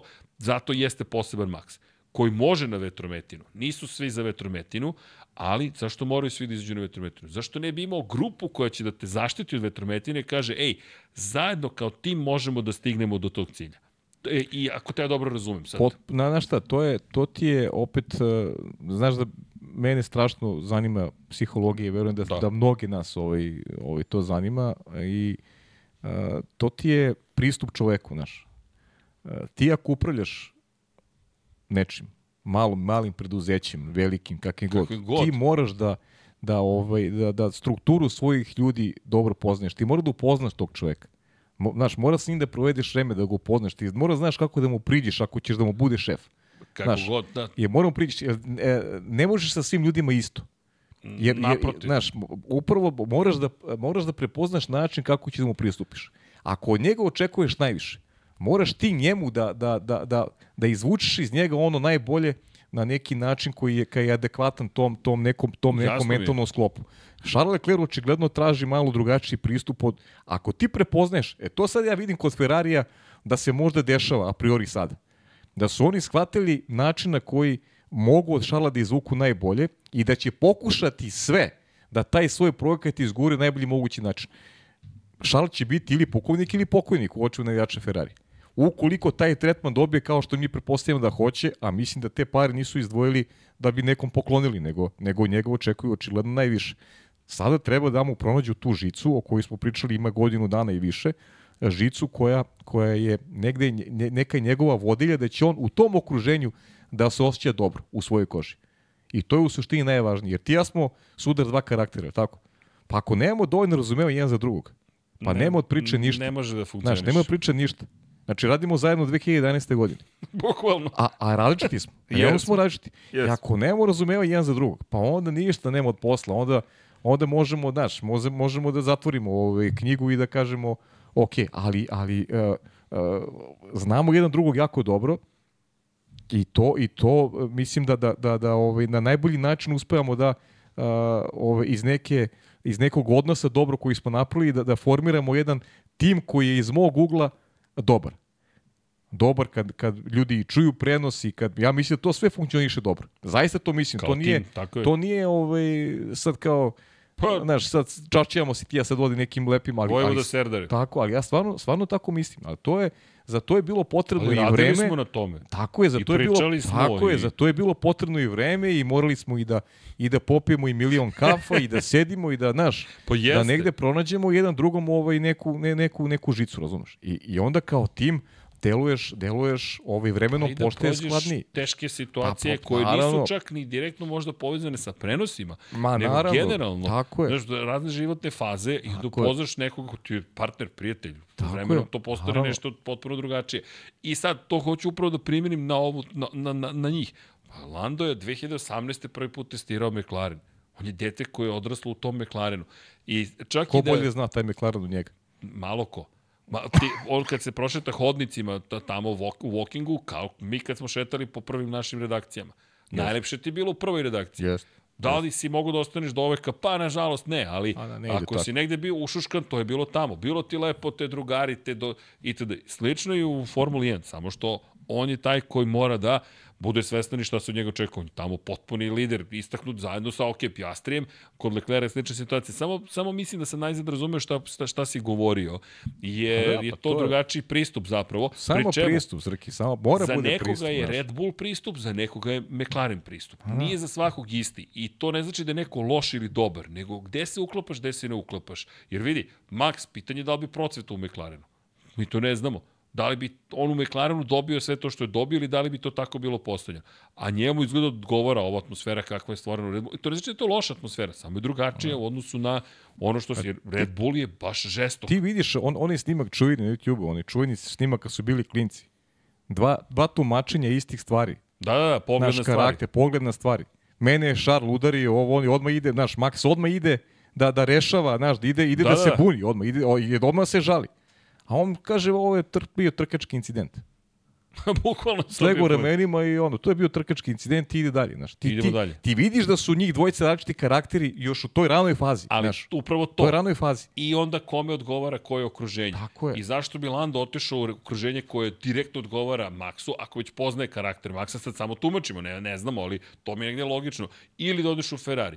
A ovde ti je lepo, fino i drugi imali ste ozbiljne rezultate. I potpisali ste ugovor s Mercedesom do 2030. Pa pritom tebi niko neće da zove u Red Bullu i da ti kaže evo ti imaš isto koji Max i trkaj se sa Maxom. Tako će dode svako. A ne, a vidi, ti, ali a čak ti ideš, i tada. Ti čak ideš u ambijent neki gde si sam negde kreirao, gde se sklanjaš Maxu, gde, gde stalno govori da se podrazumeva da Max pobedi, gde mu se sklanjaš sa staze, gde nemaš duele. Pa mislim, Ali- ti, si, ti, ti, ti, si, ti si ulogu vozača broj 2 životno već negde negde ovaj, e, stavio na talon. Ali pa je čak i tada da li bi otišao. Da li možeš, Pa ne, jer vidi, ne nije bi, dovoljno ali- samo da dobiješ to. To ti govorim. Da li ja, bi se li, ti ja, lično, ja ne bi. Ja bih uradio ovo isto što, je uradio Lando Norris, uradio bih isto što je uradio i Ferrari sa Charlesom Leclerom. A, a generalno, kažem ti, za Norrisa, ne znam šta će, šta će reći publika, bolja opcija za Landa u ovom momentu ne postoji. Evo, I to ljudi možda, da to vidimo. ljudi možda se koriguje vremenom. Ovaj, Da vidimo glasa, glasač, izlazne- izlazne glasanje klauzule. kaže 84% da. 15, 85, 5, 5, tu se negde motao. Samo malo sad, malo 82, sve, do, dobro dok se saberu svi glasovi. E, Ali, ali okej, m, naš neki zaključak je to, to je najbolje rešenje. Da, da. Ostaje to pitanje Mercedes, ali vidi, i to se povezuje sa Mercedesom. Šta će biti s Mercedesom ako ne bude rezultata? Jer vidi, Mercedes je imao, danas opet s Đoletom to pričam, i on kaže loša sezona za Mercedesa, drugi u šampionatu konstruktora. Pazi, oni su pobedili Ferrari. Ferrari je bio drugi u šampionatu konstruktora 2022. 23. je bio Mercedes, a loša godina. Pa loše, pobede. Pa loša godina je generalno za, Mercedes i Ferrari. Ne može da bude dobra godina kad imaš je- jednu pobedu zajedno i, i drugi si i treći u konkurenciji konstruktora. To nije dobra godina. Pitanje je šta će biti sa Luisom ukoliko se ponovi ovakva godina. Pa, i, Kako će onda razmišlja o, o nastavku Ali, karijere? pa Znaš da je 2026. nova pravila? Daleko. On će tad imati, on je ušao u petu deceniju godine. života. Pazi, ti moraš još 50 trka da odvezeš. Zamisli 50 trka u kojima možda gledaš svog ljutog rivala koji te spreči da dođeš do osme titule kako osvaja možda petu Pa titulu. možda, pa, pa pazi, realno i izgleda da bude Pazi, i peta Max Juri četvrto ove godine. Da se izjednači sa Fetelom i sa Alanom Prosto. Pazi, to su, to su već sada ne preozbiljni, već su preozbiljne brojke. Da. Ako, ali ako osvoji četvrtu još uzastopnu, ko su ljudi koji su imali četiri uzastopne titule? Samo dva čoveka Samo- u istoriji su imali je. četiri i imamo još dvojicu koji su imali i više. Po četiri Juan Manuel Fangio uzastopne, plus jedna, ukupno pet. Alan Prost nije imao četiri uzastopne. Titula pa nema titule, titula imali pa su ne samo titule, Schumi titula i pa ne. Vettel, četiri Tako uzastopne. je, Šumi koji je imao pet za redom i Lewis Hamilton koji je uspeo da, da zabeleži pa čovjek isto imao četiri titule za redom. Je li Da. tako? 17, 18, 19, 20 i 21. ga je sprečio Max da dođe do pete. Do pete, da. Četiri za redom. A pre toga 2014. i 15. je uzeo u Mercedesu prve dve godine hibridnere. I jednu iz McLarena 2000 i koje, os, osme godine. Tako da, on dolazi sada na nivo da se izjednači s Vettelom, sa Fanđom, sa Schumacherom, sa Hamiltonom. Hamiltonom u svakom smislu te reči po broju uzastopnih mm. titula. Pri čemu već je oborio rekorde po pitanju uzastopnih pobjede i tako dalje. Ma da, sve, po, po I sad, sve moguće. apropo Luisa, dva, evo, apropo Vil, dakle, 24. ti gledaš ponovo tako nešto, dođe 25. ti sad gledaš petu uzastopnu i sad je na samo dve titule od tebe. Pazi, u, u kom periodu? I treba da razmišljaš o novoj eri, da nađeš motiv za novu eru, a, a, a godine se A, nižu. a Mercedes ne nalazi rešenje. Tako da za Mercedes ova godina W15 je mnogo važan bolid. Vidio se, ko je, ko je rekao, da li je Baton? Baton je davao ti mišljenje o tome ko će da biti Mercedes, gde. da, da Mercedes Da, može, da, da, da Mercedes. tipuje Mercedes, ako neko može da promeni ovaj... Ali tako su mislili pro početka prošle godine. Pa. Znam, ali znaš da koga ne može da tipuje? Na Alpinu, ne znam da li si video. Au, da. Alpina, au, Da, ljudi. Alpina, Alpina izgleda katastrofa. Ko da. navija za Alpinu, Ja sam zato obuku polavi kao, kao kao podršku. znak podrške ranjenim alpinašima. Imaš i kačke si dobio. I kačke, da. Sve imam. Da, za one koji ne znaju, Alpina nije ponovo prošla crash test, to je test izdržljivosti bolida. Ljudi, danas je 29. januar. 29. februara počinje, sezon, ne počinje, tada je prvi trening, ali testovi su 20. Dakle, oni imaju tri nedelje da srede stvari i mislim da neko tamo negde ozbiljno radi i da će raditi duboko u noć dok se to ne sredi, jer to je tim koji od ekipe koja bi trebalo da uz rebrendiranje, plave boje, ne znam nija šta, dođe do toga da nosi slavu Renaulta, dolazi do toga da hoće li se pojaviti na stazi kako dolikuje. I pri čemu kakav je to bolid, jer vidi, ko, šta moraju sad da žrtvuju Kakav da bi pojačali bolid dovoljno ako nisu bolid. prošli test izdržljivosti već koliko, dva puta? A šta će da kompromituju dok to sredi? Ne znam. to ne da nisu dobre vesti, nego katastrofalne vesti. Mm. Znaš, mi umesto da pričaju o razvoju bolida, o tome da koliko će biti brži, da li će i Pa biti na da, stazi. su- da su ovi tvoji mnogo više razmišljali o ovom NFL-u i, i kraju sezone nego, nego što se bave bolidom. Pa vidi, Moram malo sad da ti... Ovaj, da, sve je u redu, vidi, pa evo, sve je u redu. Ali možda će u hollywoodskom maniru u poslednji trenut, u poslednji čas Alpina I budu polože test šampioni. i bude I fil- tako i film o njima, i film o tako njima. je. Hollywood. Hollywood, jedno, Ridley tri. Scott pravi neki spektakl. Jeste, jeste, jeste. Pavle Živković, starring in. da. ne, ti si, ti si team boss. Team boss, Mr. Pavle boss. Živković. Uh, Chief Technical Officer, Dejan Potkonjak. Nisam, nisam boss ovaj, još zima je još. Šta bih ja bio u toj cijeloj priči? Pa Majke, ne znam, ti si neki ratu iz rad zvezda neki. Science officer. Nešto, Science da, officer, neki, Spock. neki, da, neki smačem, neki, neki Jedi. Jedi, da, Jedi, uloga Jedi. Chief Jedi. Chief Jedi. 22 dana, 08 sati i 55 minuta do početka testa. Toliko vremena Alpina ima da sve to sredi. Evo sad No, to gledam. će, on je lagan. 21. 2. 3. To su datumi za Samo da legnu, testiranje. da legnu pare na račun i tu su oni. Pa vidi, njima su legle parice, znaš kako, lova je stigla, čini se, ali neko, nih- nisu obavestili tehničko odeljenje. Op, opila ih lova. Da, Nemaju fokus na, na biznis. Da. U stvari, šta je više Zadovoljni biznis? lovom. A šta je sad biznis? Pa znaš šta, šta je biznis? Šta je biznis Formule 1? Pa samo obezbediti... da se pojaviš ili Tako da se je, trkaš? to se te kaže, Šta je samo obezbediti da prođe taj test i bit će sve okej. Neka budu i poslednji, bitno je biti, evo viš Gene Haas filozofija. Ok, unutra sam. Koja je to poruka? Znaš, Poruka ti već je... imaš jednu ekipu, imaš dva vozača, dovezi bolid. Srki, mogu da zovu nas dvojicu da mi vozimo olimpijska, bolid, da ih pa dovezemo. Važno je učestvovati. A da, Kubretena, a? Tako je. Pierre je živi dalje. Tako je. Pierre je Mislim živ, da nije to nije. razmišljao o tome kada je govorio o olimpijskom duhu, ali ej, Da. olimpijska godina, znaš kako. Pariz. Paris, pa da, ima, da, i Pa. poveznica Pierre i Paris, da, Pa da. to, da, da. Alpina. Alpina. Yes. Znaš, oni se spremaju za olimpijske igre. Olimpijske Pusti igre, da. Formulu 1. Jeste. Bit, Paris će biti centar sveta. Šalimo se, Ne znam šta da vam nije kažem. Dobro, nije dobro. Nije dobro. Baš nije dobro. I, i postoje pitanje, ka, kad, ćeš da, kad ćeš to da središ? Znaš, dakle, ono što je, što, što je ostalo navodno, jeste da je bočni, test bočnog udara je problematičan. Uspeli su da prođu test frontalnog udara i iako je bilo još timova, pa i Red Bull je tu imao određenih problema, ali ono što jeste pitanje veliko jeste činjenica to je udar koji mora da zaštiti vozača posle udara od 300 kN i to je nešto što ukoliko ne polože, ne, neće im dozvoliti da se takmiče, ali ne samo to. To je jedan od važnijih delova strukture bolida. Monokok je prošle godine bio jedan od problematičnih delova za Mercedes. Alpina, ukoliko to ne reši, to su u ozbiljnim problemima.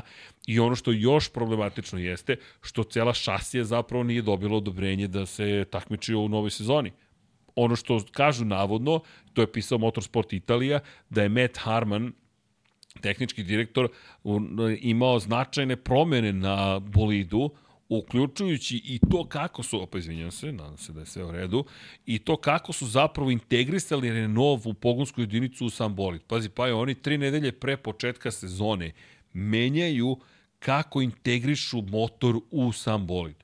A mi pričamo o tome da je Adrian Newey između ostalog za Red Bull rešavao probleme kroz bolju integraciju Hondine pogonske jedinice u ceo u strukturu bolida. A ti tri nedelje pre početka sezone na nečemu na čemu si navodno radio pola prošle godine si u situaciji da nije rešeno pitanje. Pa da li, znaš šta je to? Ko je radio Srki? Tu se vraćamo sad na onaj problem koji Alpine ima od negde sredine sezone. da oni nemaju praktično menadžment tima uopšte ne postoji. Svi su otišli, svi podneli ostavke. Pa evo ti ga Perman gde? Pa u, da. u, u novoj ekipi. Svi su otišli. Ko je pripremao uopšte boli za novu, za novu sezonu? Kad su oni počeli da rade u, u, u krajnjem slučaju pripremu za novu sezonu? I e, koga je bilo briga za to uopšte? Ti ljudi su otišli sa, sa broda koji tone, očigledno. I to je ono što smo pričali svi ovde x puta. Znaš, ti, ti ne vidiš, znaš, stalno nešto očekuješ, ali ja stvarno taj, taj projekat generalno, da ne pričamo imenu i svemu ono što se dešavalo u tim prethodnim godinama, ali ovo je jedna, jedna razočaravajuća ovaj, definitivno vest i, i samo potvrda da, da tu nešto u, u korenu priče postoji problem koji je ozbiljniji nego što, nego što i sami mislimo da je. Jer, jer kad ti izgubiš jed- jednu, jednu onako vrhušku tima u sred sezone, I u tom pogledu se ništa nije dešavalo, ni- nisu dolazili novi ljudi. Ti, ti ovaj stvarno, e, evidentno je bilo da tu postoji jedan, jedan problem koji je preozbiljan. Imaš još jednu stvar. Ako ti sada već popravljaš bolid, iz kog budžeta ga popravljaš? Mm. Ti sad već trošiš pare koje će ti biti potrebne tokom sezone za unapređenje koje neminovno moraš da primenjuješ. Neće imati za catering uopšte. Morat će da nađe sponzora za klopu. Ali bukvalno ti sad imaš situaciju u kojoj već trošiš novac koji ti je preko potreban da ostaneš relevantan i konkurentan tokom većeg dela sezone. A ajmo da se osvrnemo na kratko Biće na Esteban Pierre, samo dovozite automobile Samo u ga garažu. vratite, bukvalno. Biće ko Haas, vratite ga u garažu samo. Čemu? Pa Ne evo, bude kvarova. ajmo pogledamo formu Alpine u završnici sezone. Dakle, kada pogledaš i Pjera i Estebana, ti imaš momke koji su stvarno čupali najviše što su mogli iz tog bolida. Ti ako pogledaš, od poeni, poeni, poeni, poeni. Međutim, ono što je nedostalo jeste da to bude Alpina koja se bori za pobednička postolja. Šta, po jedno pobedničko postolje svakom od njih. I kao to je zadovoljstvo. Je li to uspeh? Je li, je li ekipa, ukoliko ponovo bude na pozicijama 3 po jednom svaki vozač, je to za, dobro za takvu, takvu renomiranu kompaniju? koja sada evo već je u ozbiljnim problemima. Da. I, I zaista je pitanje, uopšte nije šala da li će im dati dozvolu da se pojave na stazi. Jer pričamo o jednom najvažnijih bezbednostnih elemenata, počni udar. Nažalost, kako smo izgubili Antona Ibera? Počni udar je bio u pitanju. Juan Manuel Correa udario bočno u njega.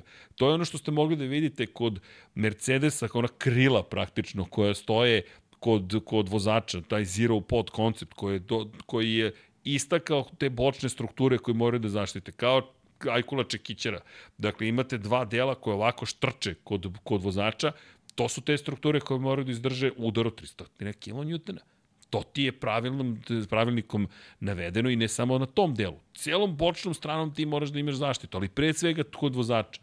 I tu je monokok, tu je, tu je jedan od najvažnijih, od najvažnijih struktura bolida. Pri čemu, zašto sam spomenuo Mercedes? Mercedes koji prošle godine, zahvaljujući loše postavci menjača i monokoka, došao u situaciju da je zapravo da su vozači nekako bili previše kod prednjih točkova. Nisu mogli da pomeraju nazad. I to je uticalo na kompletan balans bolida. Zato je bio toliko problematičan Mercedes. Pa su menjali oslanjanje i tako dalje. Mi sad pričamo o Alpini koja zbrda, zdola, navrat, nanos, u nečemu što ti treba nekoliko meseci da rešiš u danima rešava problem i troši dodatni novac. Malo- Katastrofa. Znaš, o, ovo je još gora pozicija nego Ferrarijeva kraja prošle godine. Do, Kada su jeste. čekali šefa ekipe i moglo da se nasuti da, re, da rezultat, pa nije realna opcija. Nije. Kad ti u januaru promoviše šefa ekipe, znaš, posle nove godine, dva i po meseca pre, početak, pre početka sezone, to stvarno nije realno. A ovo je još gora situacija. Ti ovde nemaš, ne znaš ko su rukovodeći kadrovi više od pola godine. Znaš, ne, ne znaš ko je šef tima više od pola godine. I onda sve ovo što se dešava je nekako, re- rekao bih, ako logičan nastavak te, te ovaj, sramotne ovaj, priče koje, koje je vezana za, za Alpinu i čak i ne znam mnogo detalja pa se zato ne upištam u neku, neku detaljniju analizu onoga što se dešavalo u Alpini. Zaista je ovaj, glupo da komentarišem prosto nešto što, što ne znam najbolje. Eto, to je to, ali ali jasno vidimo iz, iz onoga što se odigralo u 2023. da, da tamo stvari nisu najbolje posložene. No, I žao mi ovih vozača, mislim, i meni njih žao, oni su dvojica, o, obojca jako dobri momci, jako dobri vozači, to sam teo da kažem. I, i, i bit će čudo da, da Alpina ove godine napravi neki iskorak. Bojim se da, da im ide jedan pad. Uh, ovaj novi tim, kako ga ja zovem, ovaj, mm, Vizer ima ima više više šansi da, da, da možda a, bude tu među pet, šest, među, eto šest ekipa, čini mi se da da oni imaju više potencijala da budu šest ekipa u šampionatu. Ne znam, ovo je, u stvari znam, Bruno Famin, Fam, Famen, Famen, koji je imenom prošle godine kao vršilac dužnosti šefa ekipe, je u decembru dobio produženje ugovora i njegova izjave tada bila da je ključno bilo čišćenje menadžmenta sredinom prošle godine i da je novi način razmišljanja zaživeo u ekipi Alpine. Pa eto, to je to. Dovi na, Evo vidimo novi način. novi način, možda nije Ne. baš najbolji način razmišljanja. Da, test izdržljivost nisu prošli već dva puta. Pri čemu? Ti ostaneš bez peta fraja, zatim dođeš do... Pet fraj, ej, pet fraj. Mislim, to je pet fraj, ustaneš i pokloniš. Bukvalno, Kao Je- novi način razmišljanja. Pet fraj, njegov način razmišljanja nije bio dobar. da Pet Fry, i, i njemu je rečeno zapravo da, da je slobodan da ide, a pri čemu je Pet Fry kada je odlazio rekao da je za njega problem bio u ekipi to što se djelovalo je kao da ne postoji ambicija da se bude bolji od četvrte pozicije. Što nas opet vraća na ovo što si rekao. Vrati bolit kući, uzmi pare, ostani u ekipu. Prodali smo za 200 miliona udele i to je to. Tragično, cinično sve to zvuči, ali Pet Fry kada je odlazio je rekao da jednostavno on osjeća da ovde ne postoji ambicija da se bude bolji od toga. Što je tragično čuti, da volao bih da, da, da, da, da greši i da je Pat Fry zapravo, ovaj Pat Fry nisam baš siguran da, da je, da je, jel te, čovek koji tako olako govori neke stvari. Pri čemu je on postao novi glavno komandujući u Williamsu. Chief Technical, pazi, Odmah. Alpina je, svako ko izašao iz Alpine je tražen u drugim timovima Formule 1. Samo u Alpini nisu bili dovoljno dobri. Ali dobro, novi mindset je stigao. Pa to ti još nešto govori. Znaš Okej. koliko puta smo pričali o Ferrariju, koliko je teško ovaj, raditi, i koliko su oni teški da, da dovedu nekog stranca u, u ovaj, unutar organizacije. Mislim da je Francuskoj ovaj, još Misliš da je, teže. da, to je to, da je mislim, to mislim da je i razmišljanje. teže. Da. Mislim da je čak i teže. Ne, ali znaš da Pat Fry kaže oni zapravo ne žele da budu šampioni. To je to je takva kritika. Ne, ja ne mogu veću kritiku da da da da da da da da, da, da izaberem da kažeš timu Formule 1. Oni ne žele da budu šampioni. Pričamo o Renault. Pričamo o, nek, o, o, o jednom od najvećih proizvođača motora svih vremena u istoriji Formule 1, o ekipi koja je imala velikane u ovom sportu, koja je otkupila ekipu s namerom da postane opet najbolja, preimenovala se u Alpinu uz tu celu priču da sportski automobili sada vladaju, da je to njihova robna marka za sportske automobile i onda dođeš u ovu situaciju u kojoj se danas nalaze. Na, navijam da se pojave na stazi. Što zbog vozača, što zbog navijača. Pojavit će se. Ozbiljna klijentela stoji uz njih, pojavit će se. E, to će biti sad zanimljivo. Šta će reći Pojavit oni koji su dali 200 miliona dolara? Će doći i reći, ok, hoće neko da nam objasni šta se ovde zbiva. Jer pazi, ti investitori nisu glupi. Gledao sam, Ryan Reynolds je mnogo ozbiljan dasa. I gledam kako je, on, što kaže Deki, marketinški genij. Ne, to je moj burazi rekao. Čovjek je od, od sebe napravio brobnu marku. Od svega napravio biznis. Ali ne možeš da napraviš biznis tako što si ti neki šarlatan koji se okolo tako šećka i, Pa naravno. A i baca pare. Ne pada s kruške. Ništa. Znaš, tako da će to biti, biti zanimljivo. Možda je to najveća nada da neko dođe i kaže, ljudi, a morat ćete Ja, malo ali zbiljnije. bojim se da je stvarno priča, da važno, si je, važno je biti unutra, znaš, i, i da će to da obezbedi. Dobro, ajde, davijamo da, da, da, da srede. Da, da, da Jer ti, ti, moraš, ti moraš da uradiš mnogo toga, Srki, ovaj, da, bi, da bi došao do nekog levela koji ugrožava ove četiri najbolje ekipe. U stvari, ja ću, ja ću ipak ostati na tri najbolje ekipe. Četvrta Dobro. tek treba da bude, da se predstavi kao, kao neki tim koji će konstantno da ugrožava, ali ove tri ekipe koje su onako odskaču realno po svemu i, i nekom popularnošću i, kvalitetom vozača i e, krajnjem slučaju budžetima, ljubavlju koji imaju ovaj, širom planete. Tako da su to je tri ekipe najjače, ali tu je, e, pogledaj koliko je teško McLarenu, jednom McLarenu da, da. da. da bude tu, da prati taj korak.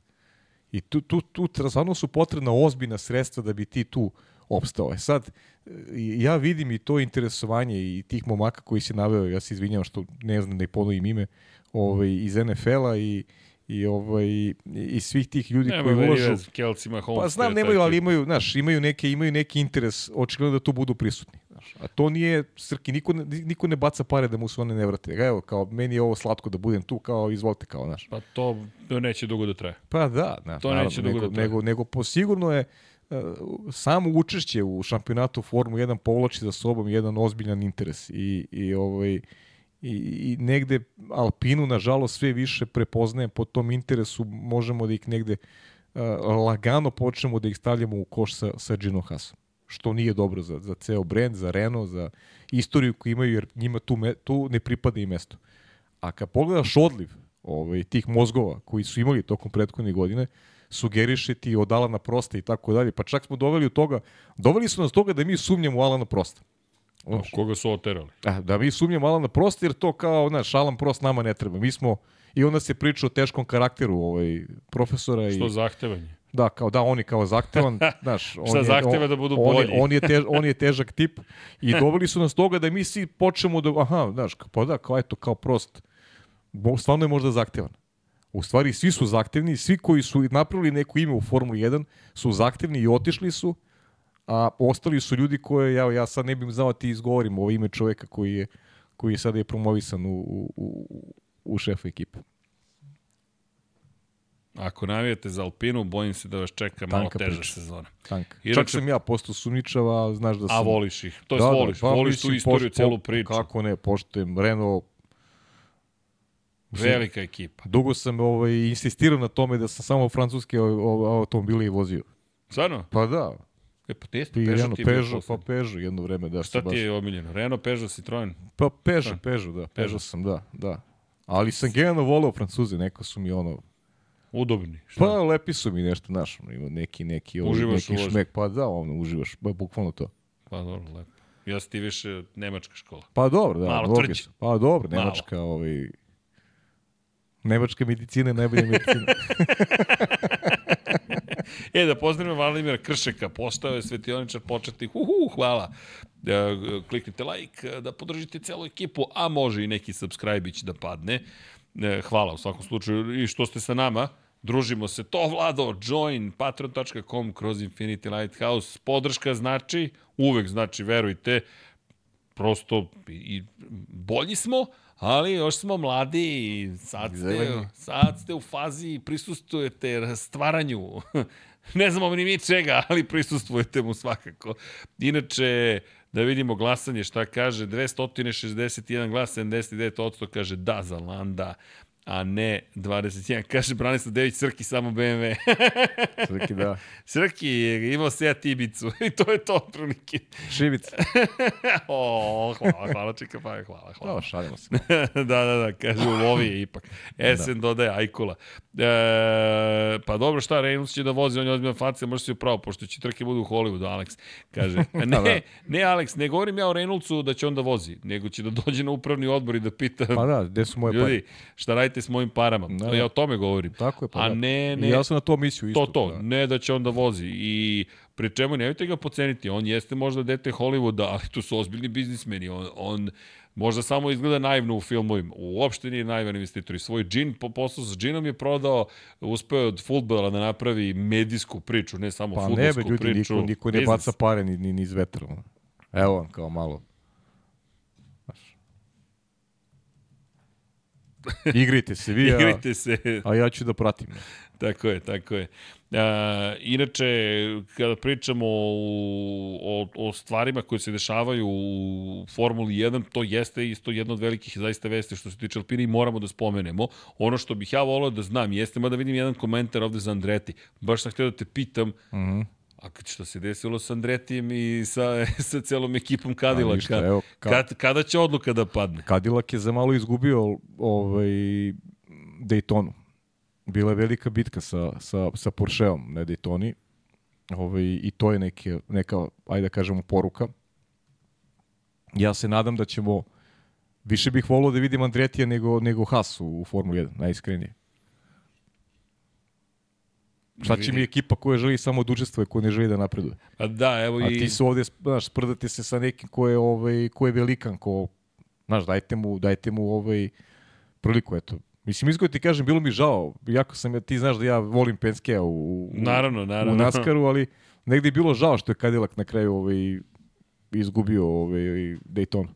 Da, inače, moram da, da napomenem, e, pozdrav za, za sve koji prate. Evo Fixer koji kaže, ste videli što Andretti ima ceo bolid u staroj fabrici Toyota u kojoj izučavaju u tunelu. Uh, Atletik je pisao o tome i prvi su izvestili da je, inače pratite The Athletic, ukoliko ste u mogućnosti, Formula 1 program im je vrlo lep. Inače, zašto e, tekst glasi zašto Andreti ne čeka zeleno svetlo Formula 1. Zato što nemaju vremena da čekaju. I iako još nisu dobili zeleno svetlo pre mhm. svega Stefano Domenicali, to je Formula 1 kao kompanije, Andretti već testira i prema pisanju, ono što je meni fascinantno jeste, oglasio se Craig Scarborough, ispratite, ukoliko niste, Luka Smitha takođe zaplatite na X-u na Twitteru, Twitter i dalje ima svoj život X, kako god da se zove, i Craig Scarborough je jedan od onih ljudi koji treba pratiti, čovek koji je retvitovao ono što je Luke Smith tweetovao i rekao je prvi pogled na Andreti, pa evo, evo pokazat ću ti, nažalost nemamo slike, ali u tunelu test je u veliku toku. Bravo. I to ozbiljno Super. testiraju. Tako da Andreti, jer moje jedno od pitanja danas razmišljam, čekaj, gde je, gde je nestao Cadillac? Gde je nestao Andreti u celoj priči? Ne brinite, nije testao. Šta oni rade? Rade sve što treba da radi jedan tim Formula 1, za razliku od Alpine. da. Bukvalno, pazi, to je ironija. Pa, pa ne znam ni da li Haas svoj pa pita, u, kom je, u koji su oni fazi. U kom je da. stanju, a ti imaš Andreti kome nije odobreno da uđe u Formulu a, 1. A on testira. A on testira i to u Toyotinom starom vazdušnom tunelu. Mislim da taj Toyotin vazdušni tunel je najupotrebljivaniji tunel svih vremena uz podršku General Motorsa, dakle uz podršku komerčke kompanije proizvođača automobila koji nikada nije bio u Formuli 1 i pitaju se da li da mu dozvoli da uđe u Formulu 1. Andretti je uradio sve. Ljudi, rekli su im, niste dovoljno ozbiljni. Onda su napravili program. Onda su otvorili svoje novo sedište u Indianapolisu. Onda su im rekli imate i pare za ovu žurku. Onda su pokazali pare. A onda su im rekli hoćete vi da dovedete nekog novog proizvođača. Onda su rekli evo potpisali smo ugovor sa GM-om i sa Cadillacom. Ali E, do, e, prvo je vest bila da neće biti njihovi motori, već će Cadillac samo da nalepi badge na nečiji motor, pretpostavili se da će to biti Renault. Zatim je Cadillac rekao, ne, mi ćemo da napravimo kompletnu pogonsku jedinicu i da uđemo na taj način u Formulu 1. Dakle, novi fabrički tim jednog proizvođača prošli su kroz ruke Međunarodne automobilske federacije, dobili zeleno svetlo, stigli do izvršnog direktora Stefana Dominikalija Formule 1, da bi se tu sve zaustavilo. I sad, imaš tim koji ne može da prođe crash test i imaš tim koji uradio sve što mu je rečeno i kako mu nabaci još neku prepreku, on preskoči tu prepreku, ali i dalje pod znakom pitanja da li će učestvovati i ne. Da, da. Međutim... Sledeće što će im reći, verovatno, ljudi ne zamerite na crnom humoru, reći može ako Fanđi bude vozio. Od prilike, bukvalno. Da, da, da, pa, nešto što znači, ne možeš da nešto, da ostvariš. A da, nešto što, što nije moguće da se dogodi. A bukvalno. pazi, a oni planiraju da debituju na stazi 2025. godine. Ljudi, mi govorimo o tome da za već jednu godinu i par nedelja na stazi vidimo bolid Andretija, možda i ranije, ali mi ne znamo da li ćemo oni dati da, da nastupaju ili ne. Inače, Michael Andretti u intervju za Atletik je rekao da je vreme kritično uvek i da rade što je brže moguće kako bi imali konkurentan bolid i što jaču ekipu čim se pojave na startnom poredku. Tako da oni su ljudi već postavili osnove, imaju svoju bazu u Silverstonu, Dakle, bukvalno su u Velikoj Britaniji već postavili takozvani satelitsku bazu. Zatim rade u saradnji sa ekipom koja je u sedištu Indianapolisu, otvaraju pritom u Indijani, u Fishersu, otvaraju novo još jedno postrojenje, novo zapravo sedište, koje će biti zapravo zaduženo za globalne, globalne takmičenja. Dakle, to su ljudi koji su radili sve što mogu. Znači, Andret ide korak napred, naš. Bukvalno. On više ne mogu da ga iznede sa pitanjem. Otprilike, ja ću napred. Ja ću napred da uradim, a, a vi pitajte. da, a ono što je fascinantno, prošle godine su koga doveli? Nika Čestera, koga su dovukli, ko je 20 godina bio gde? U Enstonu. E, šta je Enston? Pa naravno mesto gde je Renault razvijao svoje motore i bolide. Pri čemu dođeš u situaciju da shvatiš da je Alpina izgubila i Čestera, i Fraja, i Schaffnauera, i da je izgubila, e, koga smo, Permana, da je oterala da, da. Prosta. Dakle, svi su otišli i ono što je bila Nema osnova Alpine, oni su sad svugde osim u Alpini. Fascinantno. Fascinantno. Inače, oni, oni Butkovski, kako bi... Jeste, i, jeste, i on. Dakle, mi, mi ovde govorimo sada kada je reč o Andretiju, o tome da oni već sada imaju 120 zaposlenih koji rade na tom bolidu. Fenomenalno. Ja se iskreno nadam da će uspeti. Inače, Chester je napomenuo da su doveli ljude iz Red Bulla, iz Ferrarija, iz Mercedesa, iz McLarena. Dakle, Andretti gura svoju priču i eto, navijamo, navijamo da se, da se što pre zaista dobije ta zeleno Pa svetlo. na, navijamo za, za ljude koji imaju ambiciju. Znaš, Tako to je. je. Navijamo ljude koji imaju neku viziju, koji, koji žele stvarno da, ovaj, da, da ponude i nešto od tog takmičarskog karaktera, da ne budu samo puki učesnici u, u celoj priči. Jer imaš sada Haas, imaš Alpinu donekle, sa nekom ovaj, pričom u budućnosti koja je u najmanju ruku neizvesna. Neizvesna je iz tog pogleda. Šta, nam oni nude svojim prisustvom u šampionatu? Da, inače, i da dodam još, pazi sad ovo, GM je umeđu vremenu, kao što smo rekli, potvrdio će napraviti motore 2028. će biti spremni njihove pogonske jedinice, ali od ovih navedenih 120 ljudi u Andretiju, 50 su inženjeri GM-a. Ta saradnja je vrlo ozbiljna. Ono što se postavlja kao pitanje, što su i postavili u celom ovom članku u atletiku, a šta ako Formula 1 kaže ne? Što nije nemoguće. desiti, pa da, što se nemoguće. To je katastrofa. Bukvalno katastrofa, ali... To je uvek priča Srki velikih i, i, i, i malih uvek priča. Mislim, ne kažem da su mali ovi General Motors, to je ozbiljna kompanija, ali ovi sa pozicija moći. Pa njima odgovaraju ovi poput Hasa i Ne smetaju, to ne smetaju uopšte. ne talasaju. Nema, nemaš nikakav problem sa njima. Da hoće Magnuse nekad da pruži otpor na stazi, ali ne može u kontinuitetu. Ali neće pet puta. Da, da. Pa ne može, prosto ne da neće, nego ne može. Da, nema, nema, tek, nema tehničkih mogućnosti da tako nešto uredi.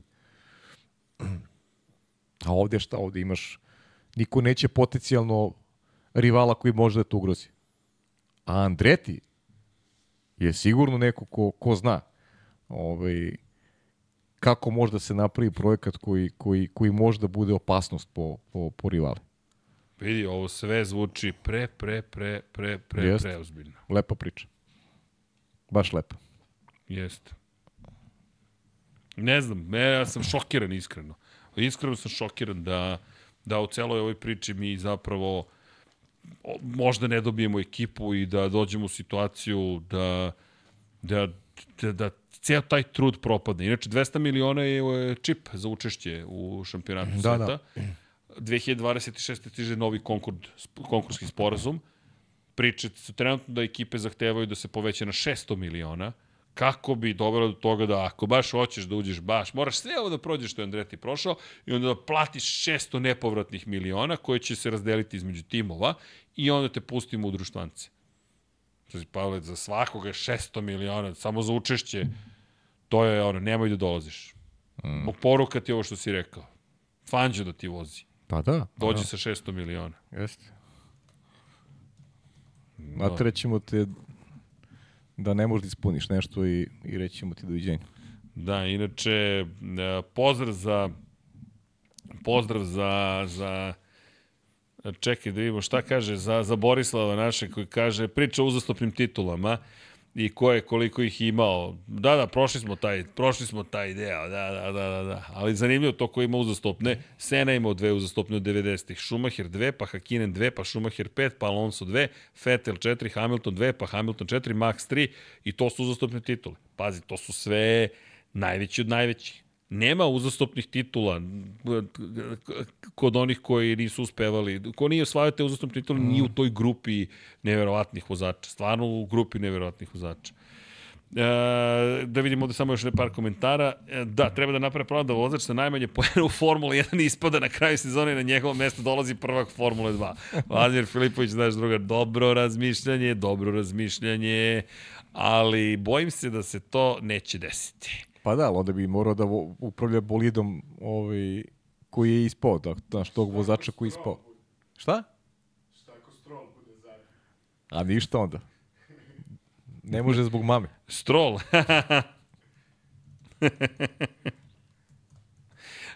Vidi, čitam, izvinjam se ovde komentare. te smija, čitam. Malo se smijem, ali dobro. Da, inače, kaže Stefan Grand Prix imao više ambicije od Hasa. Bukvalno Pa da. i Alpine. Pa zato kažem, E, zato pa mi da. neka, za- zato nisam ovaj, prosto mi, znaš, ta priča o Ginteru Steineru mi je ovaj, Kažem ti, s aspekta rezultata neće mi nedostajati, ali on je čovjek, znaš, on se našao u grupaciji ljudi koje nema dodirnih tačaka sa Formula 1, a on je čovjek koji ima ime i prezime ozbiljno u Formula 1. Izvini, SN kaže, upravo prolazi suprug i kaže, ali su depresivni danas. Da. pa nismo depresivni, nego smo samo, evo ga Ante, kaže, Alpina će biti okej. Nadamo se, Ante, da će biti... Evo, kaže Hasan, kaže, već godinu dana se priča o četvrtoj trci u Americi. Da, 19. januara su reservirali te da, da, rezervirali su da, za da, F1 naziv za Grand F1. Prix Chicago i jedan to slučajno otkrio, kaže Hasan u smešak. Kaže, možda uz pomoć Formula 1 bio priči i o, bio, bili su priči i Sonoma i New Jersey takođe. Eto, poruka od Da, da, New Hasane, Jersey, taj pogled na Hasane. New York. Ali nekako New York nikako da doće na red, neverovatno je. A, doći će. Čekaj, Todoru, Todore, znamo za Andreja, ali nemojte da spamujete chat, nećemo ponoviti ako vi ponovite sto puta. Todore, sve u redu. I imamo informacije, ali neko nas je zamolio da ne pričamo pre nego što bude potvrđeno, tako da samo polako. Bez brige, ali ne, evo sad ćemo da proverimo samo da li, da li neke stvari smemo da pričamo ili ne. Mm, Samo da vidimo. E, e, da, imamo ovde neke veze, da. Evo, poslao sam poruku. Inače, Nemanja Ivanović kaže, čao drugari, izvini Srki, ma Todore, nemoj se izvinjaš, samo kažem ne zbog mene, nego zbog drugih u četu. Polako, samo polako, sve u redu. E, kaže, Srki, kako se pokreće nova Visa Cash, kaže, ubaciš novčić u, u, u volan. Da, da, da, okej. E, inače, ima, Ko, koju novčanicu? Gde? Ne, ne, novčići, ali No. koji novčići, to je A dobro koji? pitanje. Da, da, da. Uh, hteo sam još nešto da spomenem, međutim, Andreti mi je zaista bila fenomenalna priča, zato što ti kad pogledaš, ti ljudi su pre, pre, pre, pre ozbiljni, a inače, nigde na zvaničnom sajtu Formule nema spomena Andretija. To samo možeš da saznaš negde drugde. Pa nema Srki, nisu, Nema. deo, nisu deo Formule 1. Nisu deo Formule 1. Znaš, to bih zvanični sajt pominju realno. Mislim, aj tu sad, Pa dobro, ali... znaš, ono, zašto znaš, bih oni spominjali? uopšte? Pa, vidi, u NFL-u postoji ta filozofija da prenosiš i kritike, da prenosiš i stvari koje neko spominje u tvom sportu, čak i ako se nužno ne slažeš. Ali to još nije zaživelo ovde. Dobro, vidjet ćemo. E, inače, ne znam da li znaš da imaš uh, Grand Prix Chicago u jedrenju. ako hoćeš da učestvuješ, Ja, čisto, što, što, što se tiče ovaj, čisto da ti napomenem. da, što se tiče sporta, znam samo Chicago je u hokeju legendarna ovaj franšiza, tako da ono, imali su baš jednu moćnu generaciju, uživo sam i gledam. Čekaj da mi se Todor ne uredi. Pa, Todor je spamovanje ako ponovite sto puta jednu poruku. Nije ništa uvredljivo, ništa loše, niti sam Da. mislio. Ajde da se ne izvinjamo jedni drugima, samo, prene, samo da znate, prenećemo, nemojte ništa brinuti. Inače, Navojno Vreteno pita šta se dešava sa Dinom u Formuli 3.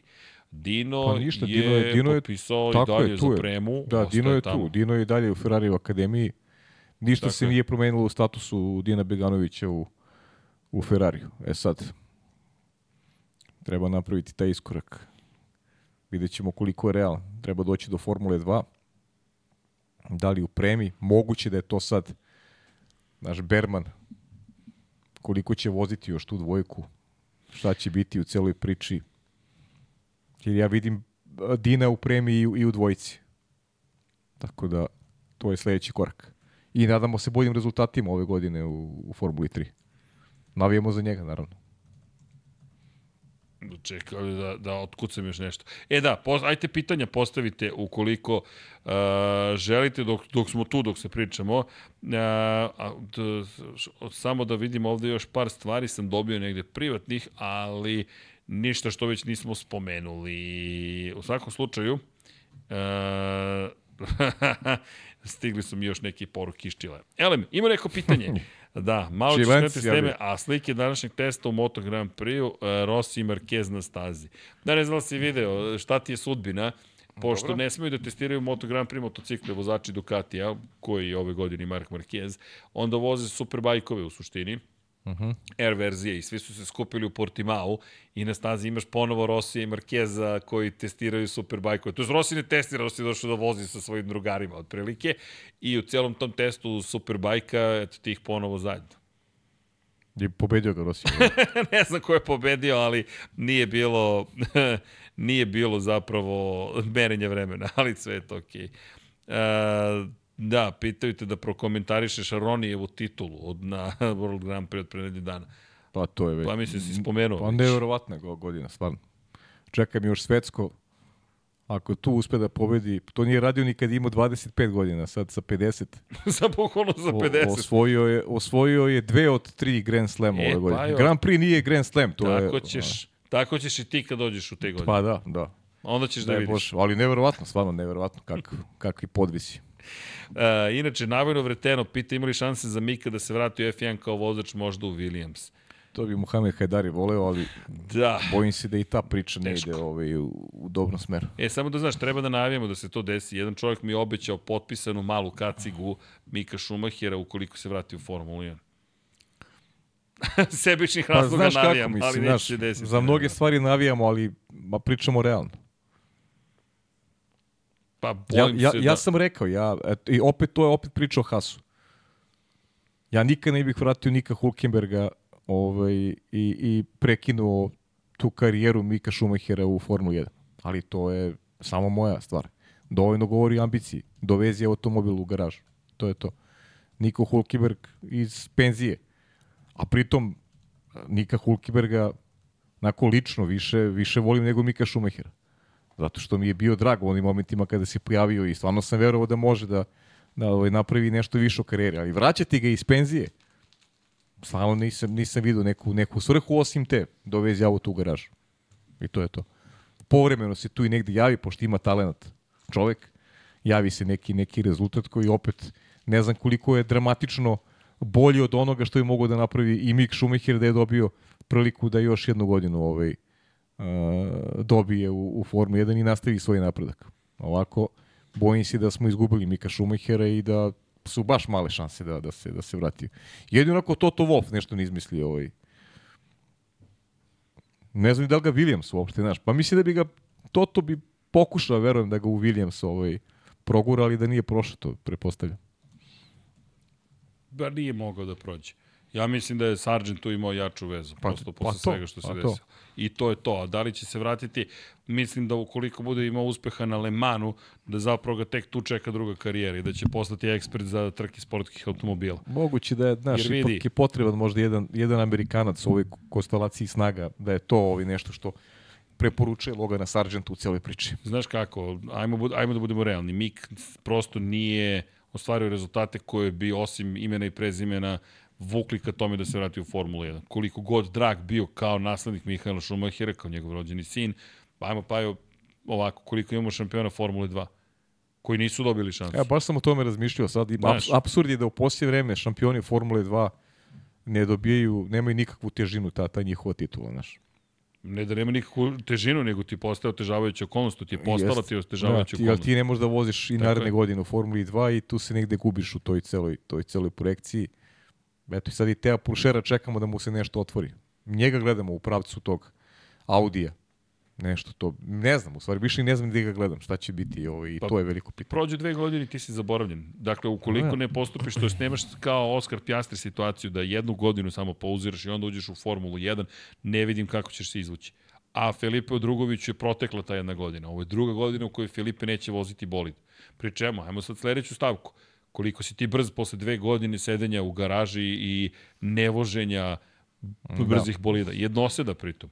Kako ne? Znaš, ti da sedneš u sportski automobil, pazi, Albon je imao jednu propuštenu sezonu, pa opet se trkao negde, nešto je radio, imao je isto propuštenu sezonu i na kraju Esteban Okon, pa se vratio. Ne računam Fernando Alonso tu priču. Alonso je dvostruki šampion sveta, legenda Formula 1, čovjek koji je umeđu vremenu vozio Le Mans, Indianapolis i tako dalje, ali ovo su momci koji, gde se dokazao Felipe Drugović, Pa, koja vrata on ima To, otvorena. to je Srki, znaš, e, priča o to, recimo sad smo se uhvatili Hasa, ali prosto je Has primjer, ti imaš dvojicu vozača, ovaj, Hukebreg i Magnussen, i okej, ja a, pritom obojicu ih poštujem, naravno, ali e, kad već imaš takvu neku, neku situaciju unutar ekipe, a, koja nema neke prevelike ambicije ili ti nema nikakve sportske ambicije, pa zašto nemate tu neki balans, zašto ne postoji neki vozač, ali nisu spremni da ulažu, to je to, to je pr- prosta matematika, nemaju ništa od toga i zanima ih samo da se doveze auto i to je to, i nema dodatni troškovi su, ne podrazumevaju neki benefit koji, koji oni uživaju na ličnom nivou, mislim na, na Gina Hasa, tako da nema tu pro- prostora da, da oni postaju neka ekipa koja je bila neka zaobe, recimo. Evo, ti sad imaš i u zaoberu, imaš dva, dva vozača koji, znaš, koja je uloga? Valtteri Bottas i Guan Yu Zhou. I su to neki, Valtteri Bottas, uh, ok, znamo šta je bio Valtteri Bottas u tom periodu Mercedesu, uh, Williamsu, Guan Yu Zhou, ili Guan Yu Zhou vozač koji, koji donosi nek, neki poseban ekstra kvalitet? Ili, ili, ili, je, ili donosi neki novac timu? Donosi novac, ne donosi ništa drugo. Imamo vozača koji stvarno, Pa- mislim da neki klinci bi zaslužili više mesto, ali prosto tako je danas ta raspodela, snaga je takva, zavisiš od nekih budžetiranja, od sponzorisanja i to je to. Evo što kaže Marko Korjački, kaže više isplativije da budeš drugi ili treći u Formuli 2. I to je istina. Više, Tebi se da, više pa isplati da. da. naceljaš da budeš drugi ili treći i da ostaneš u Formuli 2 i da ti se onda otvore negde vrata. Pa znam, ali evo, Frederik Vesti, Frederik Vesti je bio drugi u Formuli, for, Formuli Više 2. nije bilo prostora. Sad? Pa dobro, više. morao je da ide. Pa ide, gotovo. Ali prošle su i godine određene. Jesu, da, on, Imaš on, par ima godina. staž. Ima staž. Drugo, i ne samo to, i da ostaješ, do kada ćeš da ostaješ. Ti sa 20 i nešto godina već si prestareo za Formulu 1. Nećete, jer dolazi neka nova generacija koja je uzbudljivija, to je pitanje kako te javnost doživljava, sponzori kako te doživljavaju, čiju podršku imaš i to ti je to. Srki, da je bio šampion Formule, Formule 2, opet isto. isto. Sad svi pričaju o Kimi Antoneliju, Mercedes. Niko ne priča o Frederiku Vesti, Ne. koji jako dobro vozio, godinama unazad jako dobro vozi. Pa, novo lice stiglo. To tako Upravo ide. to. Inače, e, Bojan Snaković kaže stari i mlađi Sainz u Audiju 2026. Da, da, da, da. si- Ne, ne, ali neko je ovde napisao da li vidimo Fernanda Alonso možda u Audiju 2026. ukoliko ne upali Pa ja, Aston Martin. ja iskreno ne. Iskreno ne. Ali ne zbog njegovog kvaliteta, nego zbog, zbog njegovih e, godina. Znaš, tebi treba da imaš neko, neko zaštitno lice, treba ti bude neko, ne, neko mlađe, neko ko će te gura taj projekat godinama. Jer kao što smo rekli, pogotovo za, za Audi će to važiti. Ne mogu, ne mogu rezultati preko noći da dođu. Oni se oni dolaze u Formuli 1, dolaze u teritoriju teritoriju drugih ekipa, teritoriju koja je koja je njima nepoznata. Ali treba im neki lider, znaš, teško da može ili ili Ali znaš pazi, šta? dobro je pitanje, Znaš šta zamisli može? Alonsa, E, okej, znaš šta može? Možda bude da odigra onu ulogu razvoj, Schumachera. tako je. Da odigra ulogu Da mu to bude zaveštanje. Da, to može, da. I U tom pitanje je bilo Sainz i on zajedno, pazi, španska E, veza. dobro. E, tako da. Španska tako da. veza. Da, Sainz- da imaš neko ko će, ko, bit će mu, da mu bude mentor Fernando Alonso. Vidi. Tako da, na taj način može. imaš još jednu stvar. Ajmo da pričamo i o Carlosu Sainzu iz te perspektive. Znaš, Carlos Sainz, kao da smo ga zaglavili u vremenu, ali on, dečko, ima 30 godina ove godine. 1. septembra puni 30 Ne, nikoga godina. nije, mislim, on je, on je i dobar vozač, mislim, niko, Ali- niko ne spori, naš, Pa jo. Carlosa Sainca, prosto u, u poređenju sa Leclerom, iz mog ugla je ovaj slabija karika. Ali da mu se otvori neki prostor gde će on da ima podršku, i ovo je interesantno zvuči, da. Alonso kao mentor, ima tu oca koji je veliki šampion, ekipa koja mu veruje, to može da bude dobra priča.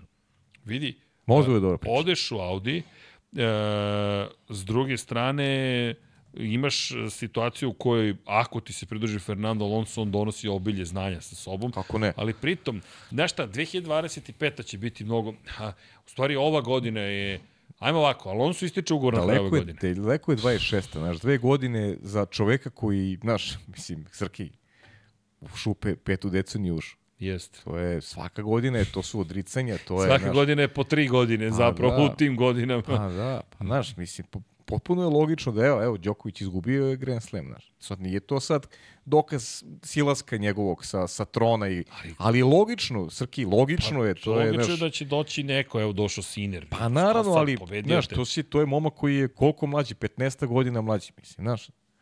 Teško je, je, teško je parirati vidi, telo prosto ne može da da izdržava te napore. Mislim, to je potpuno logično. Znaš, a i nemoguće tražiti od tih ljudi iz godine u godinu, iz godine u godinu, iz godine u godinu, iz godine u godinu. Zato kažem, taj projekat Audija uh, Srkit za dve godine tek počinje. Ne, ne, ne, ne vidi, on je uveliko počeo, ali, Pa da, ali- kad ali ćemo ti- znati suštinski na šta to liči. Da, ali mislim, mislim na, Slažem na se, za počinje dve sezona godine. za dve Ma godine. ne, ne, ali ti si u pravu, tek za dve godine mi znamo gde je to. Pri Pa čemu da. taj bolid se neće potpisivati kao Audi do 2026. Nije da ćemo ga vidjeti sledeće godine kao Andretija možda što ćemo vidjeti Tako je, sledeće godine. tako ne, je. oni ljudi 2026. ugađaju kao moment kada će se pojaviti u Formuli 1. I ono što je pitanje za Alonsa, Alonso odveze fenomenalnu sezonu. Produžuje ugovor za 2025. Ko može da ima tu kristalnu kuglu koja će reći Aston Martin Honda će biti konkurentni? Pazi, to je AM Honda. To nije više AM Mercedes. Mm. To je sad potpuno neki novi tim. Pri čemu, kako znaš da li Honda može ono što je, nadam se, naučilo od Red Bulla, da prenese sad u Aston Martin. Nemaš više njuje. Pa to ti isto pitanje za Audi. Jeste. Znaš, pitanja su ista, odgovor, A odgovora opet, nema. Red Bull Ford. Hoće li, mi svi verujemo u taj projekat jer je tu njuj, ali hoće li oni biti dovoljno konkurentni? Jeste, a ti se kad pričaš Audiju, znaš, ti sad, tebi možda se dogodi a, a, situacija u kojoj treba da izabereš, po, ja verujem da oni već biraju, da već imaju neka, neka rešenja, samo to se još ovaj, još ne zna zvanično, ti treba da, opred, da se opredeliš za, za ljude koji će da ti nose taj projekat. Znaš, da li ti gubiš nekog mladog, potentnog vozača koji, koga na, na uštrb uh, vozača koji u tom momentu ima koliko, 43-4 godine. Znaš, to su, stvarno, to su sad za ozbiljnu analizu. Jest. A, a bojim se da i nemaš prave odgovor, jer ti ne znaš u kakvom će neko stanju da bude, jer ti možda prepostaviš u kakvom će stanju biti neko ima danas 20, a imaće za dve godine 22 godine. Tu se nešto ne menja stanje, menja se na bolje samo. A neko ima 42, a imaće 44 za dve godine. E, to, to je nešto što stvarno ne možeš ti da računaš u popunosti da će to da bude ovaj priča koja, koja uh, onako ti, ti obećava neki neki ovaj neki bolji bolji rezultat ili ti ili ti dobar rezultat kako god kako god želite. Da, ima ovde još uh, mnogo pitanja, a, mnogo zapravo vo, povezuje se opet na ovu celu priču. Odgovorili smo rade tokom podcasta i otkud Artur Leclerc da ostao u Ferrariju. Pa da. mi cenimo da je to usluga Charlesu Leclercu, pa, da, pre svega. Ali ljudi ostaje kao razvojni vozač. To je. Ima tu, ja ne znam koliko još njih ovaj, trojica vozača su tu kao razvojni vozači Ferrarija, Artur je jedan od. Jeste. Inače, Marko pita da li mislimo da će Honda zahtevati Japanca u Aston Martinu 2026. i da li bi to mogao biti Yuki. Zahtevaće sigurno, Ja se ne sjećam istorije Formula 1 koji nisu da. zahtevali da Tako. ili Moto Grand Prix da japanski vozač ne sedi na njihovom motociklu ili da ne koristi njihov motor. Tako da Aston Martin će imati zapravo tu se završava karijera Lensa pa, Strola. Pa ne, možda će Lance Yuki da vozi. Stroli. ja pazi, Yuki ja uz dužno poštovanje baš ne vidim na tako visokom nivou, ali Pazi, Stroll pa, mislim da će morati ne, nekome ne da ustupi da se ljutiš, ali ako bi mi neko tražio da biram Juke ili Stroll, ja bih uzao Juke, ne bih razmišljao uopšte. E, da, da, bukvalno do, dolazimo na, do, dolazimo na, na celu priču o tome da ti zapravo ćeš imati vezane ruke. Stroll mora da ide. Pa da. Stroll mora da ide. Jer, ili će postati čovek koji pa, će biti najbolji vozač svih vremena. Pa možda će i tata da je do tada. Pa, deluje da se polako li sigurno mm. poluči. Inače, Emir Neradin kaže, vozim Citroen ima loše kvačilo. Ja odgovorio samo automatik. kaže, misliš ovaj robotizovani? Pa, ovaj najnoviji, ja mislim da on robotizovan. On zapravo menja brzine, zapravo umesto vas. Ali, ne znam, samo sam se našalio. Možda je loša šala, ne zamerite. E, I Dražan koji kaže, možda Audi hoće Schumachera, pošto je nemački tim ima neki sumnje, šta kažete? Pa to su priče, Schumacher, Vettel, e, itd. Mene ne bi čudo na kraju Niko Hulkenberg da opet bude u toj celoj priči i dalje biti čovek koji ima najviše iskustva u s aktualnim formulama 1. Pa da, i, i Ironija je, ali on će imati najviše iskustva. Istina. I on bi mogao zapravo da prosto bude Može. deo Audijevog tima. Može da bude neko ko će pomoć, pomoći razvoju, da. Da, pri Može. čemu ironija je da Schumacher... Sainz i Hulkeberg, da. Pa da. Nije Mik, nemoguće. Mik inače nastupa u Alpini u, na 24 časa Le Mans i u da. šampionatu izdržljivosti. Da. To je tek kombinacija. Toto Wolf, Mercedesov vozač u Alpini u 24 časa. Pa, znaš kako, vo, vo, da voziš, voziš gde možeš, bukvalno. Da, inače, navodno Vreteno pita oko Bortolete za Formulu 2. To ćemo najavljivati ljudi sezonu. Te, ne, Bortoleto ozbiljen. Jeste, ozbiljen jeste. Bortoleto. Eto još jedan tih momaka da koji su... u top 3? Pa, može, može. Impresivna je bila ta prva godina. Impresivna. Jeste. Ali je bilo isto tako impresivni Denisa Haugera prva godina u Formuli 3, pa, pa sad ga nema nigde više, ne priča niko o njemu. Da. Pa se desilo da... Ali to je ta priča. Ali, a, e, ali, Srki, dobro, znaš šta je dobra priča Bortoleto? A apropo Drugovića. Znaš, e, imaš još jednog Brazilca, imaš Fittipaldijeve. Imaš. Koji su, ne znam, ono, to ti je baš klan, ono, veliki, Brazilci ih vole, poštimo i podršku.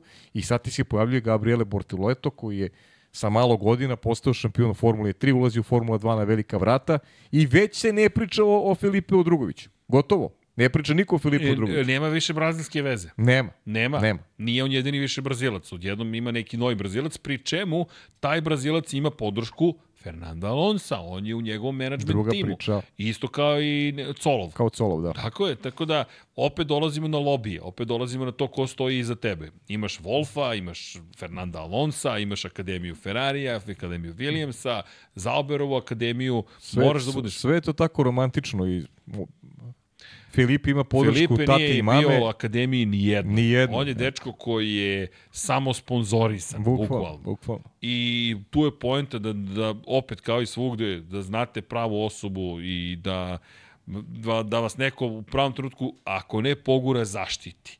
Šta god. I, i najveća šansa zapravo Filipeu je prošle godine bila u Bahreinu, kada se nažalost povredio Lance Stroll, I da je imao tu jednu trku Felipe, ja mislim da bi karijera izgledala drugačije, mislim da bi drugi rekli, ups, čekaj da vidimo ovo dete, da li zna Jeste. ili ne zna, i tu bi se znalo. Jer bi imao jednu šansu. Mm. Samo jednu šansu. Nije ju dobio. Da li će ikad videti Pa, zato i- stazu u- Formuli 1? Zato i, nije, zato i nije dobio. Pa između ostalog. Ali mislim da tu čak strah nije, ni, post, Stroll nije imao razlog da se plaši. Šta, ostao bi bez angažmana, nema šanse. Pa ne bi, ali, ali bismo videli na delu šta može jednom trkačkom vikendu uh, Drugović. I to bi možda njemu značilo. Pa sjeti se kako je, uš, kako je ušao u Formulu 1 nigde vris. Pa, Još jedan, od tih, još, još jedan od tih ali šampiona dobio Formule 2 koji nisu ali dobili kako pravo je dobio podršku. šansu preko Maxa i koji je lobirao Pa za sve njega? okej, ali, ali, ali mora da pokaže nešto i na stazi. Jeste. Pusti lobi, znaš. On je odvezao Moncu sjajno. Ne, Edin kaže, konkurencija ste Netflixu, slao sam pa i sliku na Insta. Edin ti je poslao neku, neku fotku. Pa Ne znam šta to znači, ali to je okej. Okay. Valjda, je li to dobro? Hvala. E, da. Pa jo, prođe ponoć, opet. Baš me čudi. to si još malo pa će da prođe ponoć.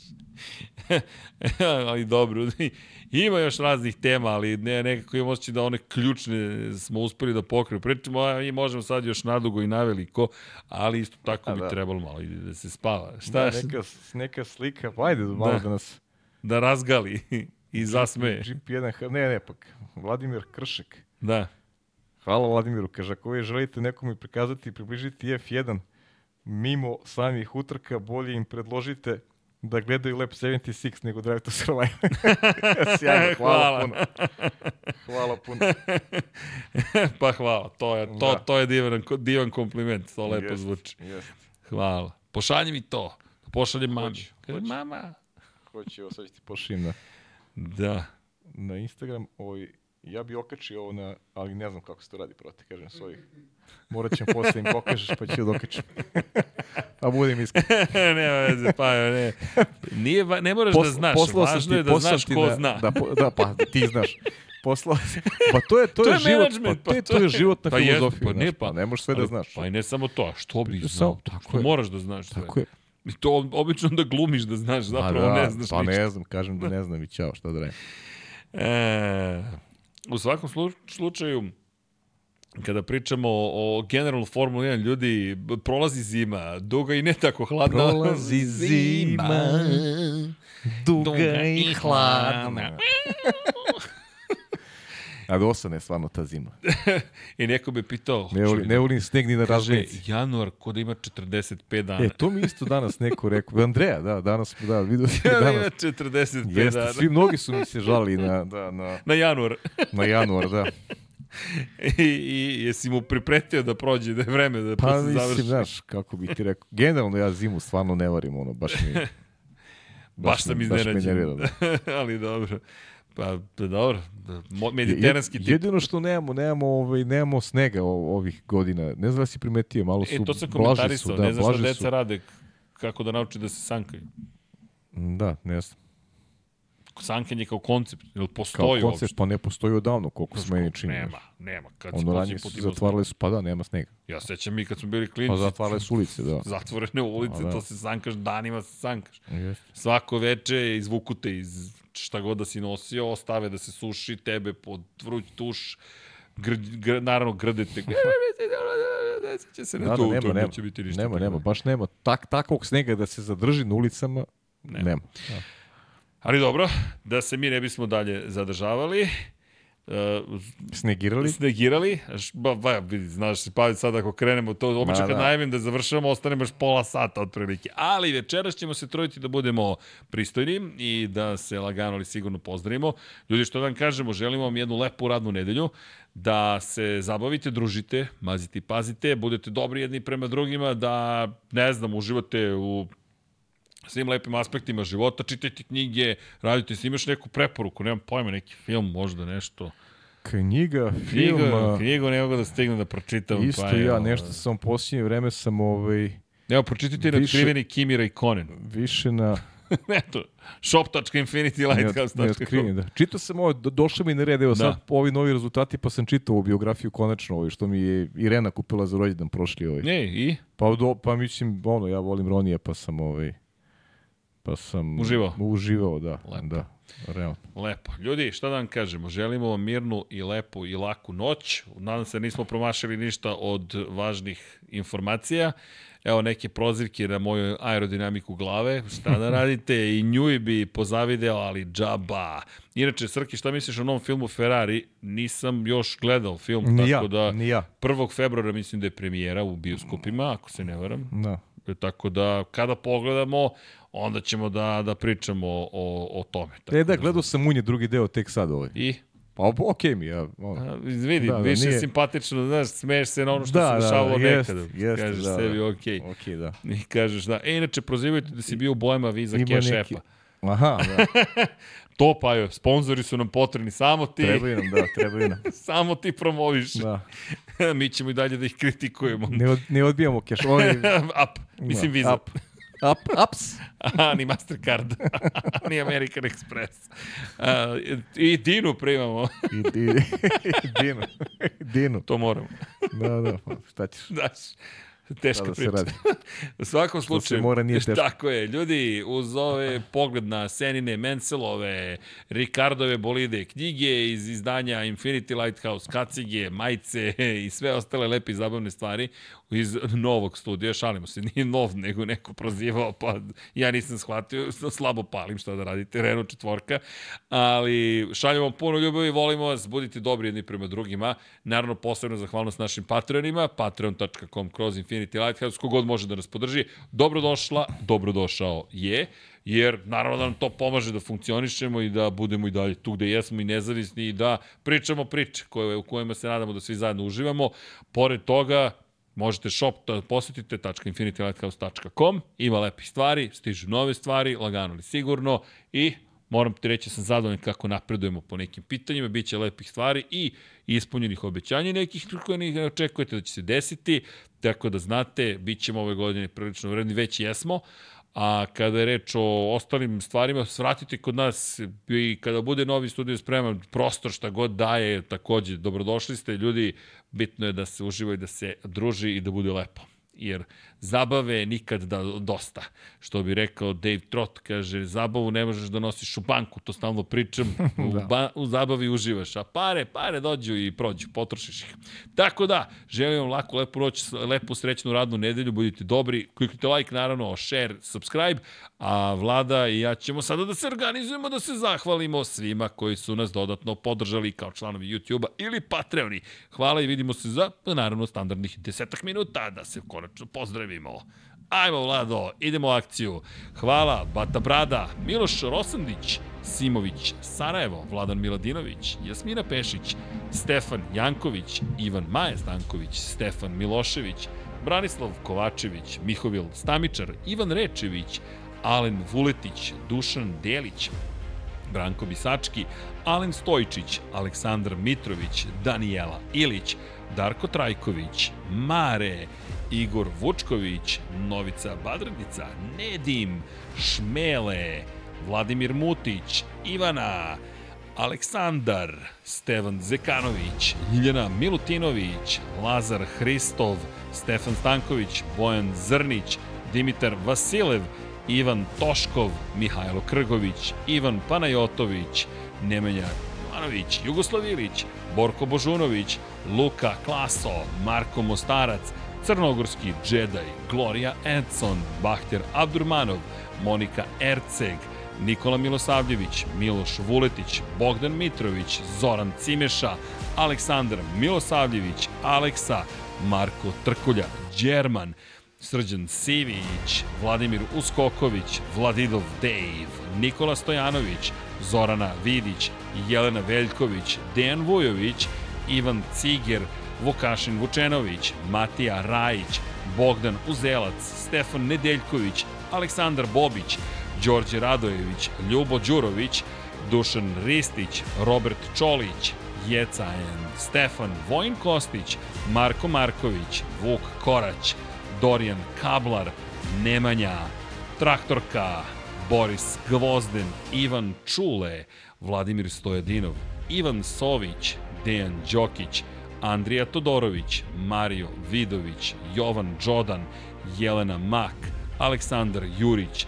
Miroslav Cvetić, Dejan Janić, Blufonac, Ognjen Marinković, Milan Nešković, Đorđe Đukić, Žorž, Životić Jovan, Nikola Marinković, Đorđe Milanović, Luka Manitašević, Vanja Radulović, Ognjen Grgur, Bojan Markov, Stefan Ličina, Marina Mihajlović, Sava Dugi, Andrea, Veselin Vukićević, Emir Mešić, Borislav Jovanović, Dragan Matić, Ivan Rebac, Bojan, Kovačević, Omer, Tina i Ilija, Ognjen Ungurjanović, Milan Paunović, Aleksa Lilić, Mario Jelena Komšić, Ivica, Nebojša Živanović, Dimitrije Mišić, Hrvoje Lovrić, Milan Kića, Luka Martinović, Nedo Lepanović, Kristina Ratković, Inzulin 13, Predrag Simić, Andrej Bicok, Sean Hing, Živojin Petković, Grgo Živaljić,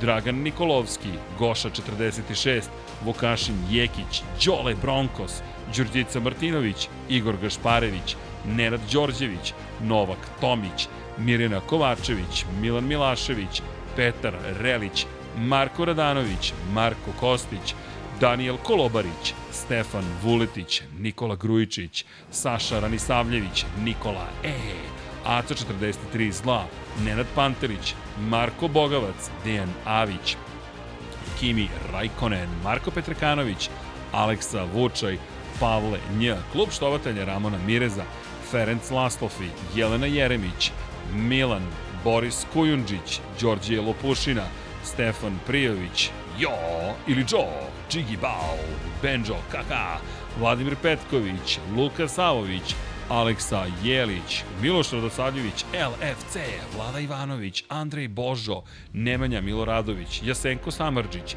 Mladen Mladenović, Đole Cheesehead, Kristijan Šestak, Matija Binotto, Miloš Todorov, Da žena ne sazna, Milan Ristić, Strahinja Blagojević, Bojan Bogdanović, Zoran Baka, Mladen Tešić, Igor Jankovski, Branimir Petronijević, Klara Gašpar, Antonio Novak, Aleksandar Antonović, Stefan Radosavljević, Toni Ruščić, Andreja Miladinović, Aleksandar Radivojša, Miloš Prodanović, Dušan Petrović, Miloš Banduka, Šefko Ćehić, Danka, Miloš Rašić, Deus Nikola, Nikola Beljić, Jugoslav Krasnić, Sead Šantić, Đorđe Andrić, Nedim Drljević, Predrag Pižurica, Strahinja Brajanoski, Đole QB4, Damjan Veljanoski, Marko Horg, Peđa Janković, Admir Dedović, Mirjana Živković, Nenad Simić, Armin Durgut, Vladimir Jovanović, Ivan Maksimović, Stefan Vidić, Aleksandar Banovac, Anonimus Donatorus, Laslo Boroš, Lj. Đurović, Stefan Lešnjak, Zoltan Mezeji, Ivan Simeunović, Nemanja Labović, Milan Apro, Nikola Božinović, Marko Blagojević, Ivan Milatović, Vamlisapa Art, Mladen Krstić, Denis Špoljarić, Safet Isljami, Andreja Branković, Anonimus Donatorus, Roko Marović, Dario J, Branislav Milošević, Aleksandar Anđelić, Anonimus Donatorus, Neđo Mališić, Matej Sopta, Marko Kozić, Boris Radović, Branislav Dević, Miloš Broćeta, Ivan Zlatko Vasić, Renata Neš, Martin Gašpar, Tijana M, Armin, Branimir Kovačev, Ružica Stefanović, Marin Antunović, Davor, Filip, Salim Okanović, Boris Erceg, Borislav Vukojević, Josip Kovačić, Vladimir Filipović, Aleksa Valter, Vučinić Miroslav, Bojan Mijatović, Dejan Avić, Petar Nujić, Katarina, Nemanja Zagorac, Mlađan Antić, Luka, Aleksandar Čučković, Bojan Majstorović, Marko Ćurčić, Zoran Majdov, Nenad Ivić, Lazar Pejović, Stefan Dulić, Zoran Šalamun, Branimir Rijavec, Lukas, Ertan Prelić, Kosta Ivanov, Ante Primorac, Nemanja Miloradović, Resničanin, Ramzes Rama, Ivan Vincetić, Milan Herceg, Zoran Baka, Amar Tasao, Domagoj Kovač Rajkov, Bojan Markov, Milorad Reljić, Konstantin Mlinarević, Nemanja, Pavle Lukić, Zoran Mladenović, Vladimir Vujičić, Eldin Polovina, Uroš Čuturilo, Saša Stevanović, Pujo, Karting centar Jagodina, Nikola Hrnjaković, Slaven 84, Vojislav Tadić, Aleksandar Jokić, Goran Mrđenović, Ivor N, Future Graciano Rossi, Jovan Bojanić, Marko Jevtić, Ada Sokolović, Deni Fejzić, Škundra, Milanka Marunić, Drago Veković, Alen Jesenović, Vlada Ivanović, Mrča, Omer Sarajlić, Miloš Zed, LFC, Milan Knežević, Kromid, Miloš Rašić, Nikola Vulović, Nikola Grđan, Stefan Škrbić, Edin Ustavdić, Bojan Stanković, Marko Lučić, Vladimir Bulatović, Nikola Adamović, Luke Williams, Igor Ninić, Tatjana Lemajić, Igor Ilić, Ejhel, Vuk, Mateo Miholić, Aleksandar Kockar, Dejan Janić, Ivan Magdelinić, Lunatic Soul, Nemanja Cimbaljević, Aleks Vulović,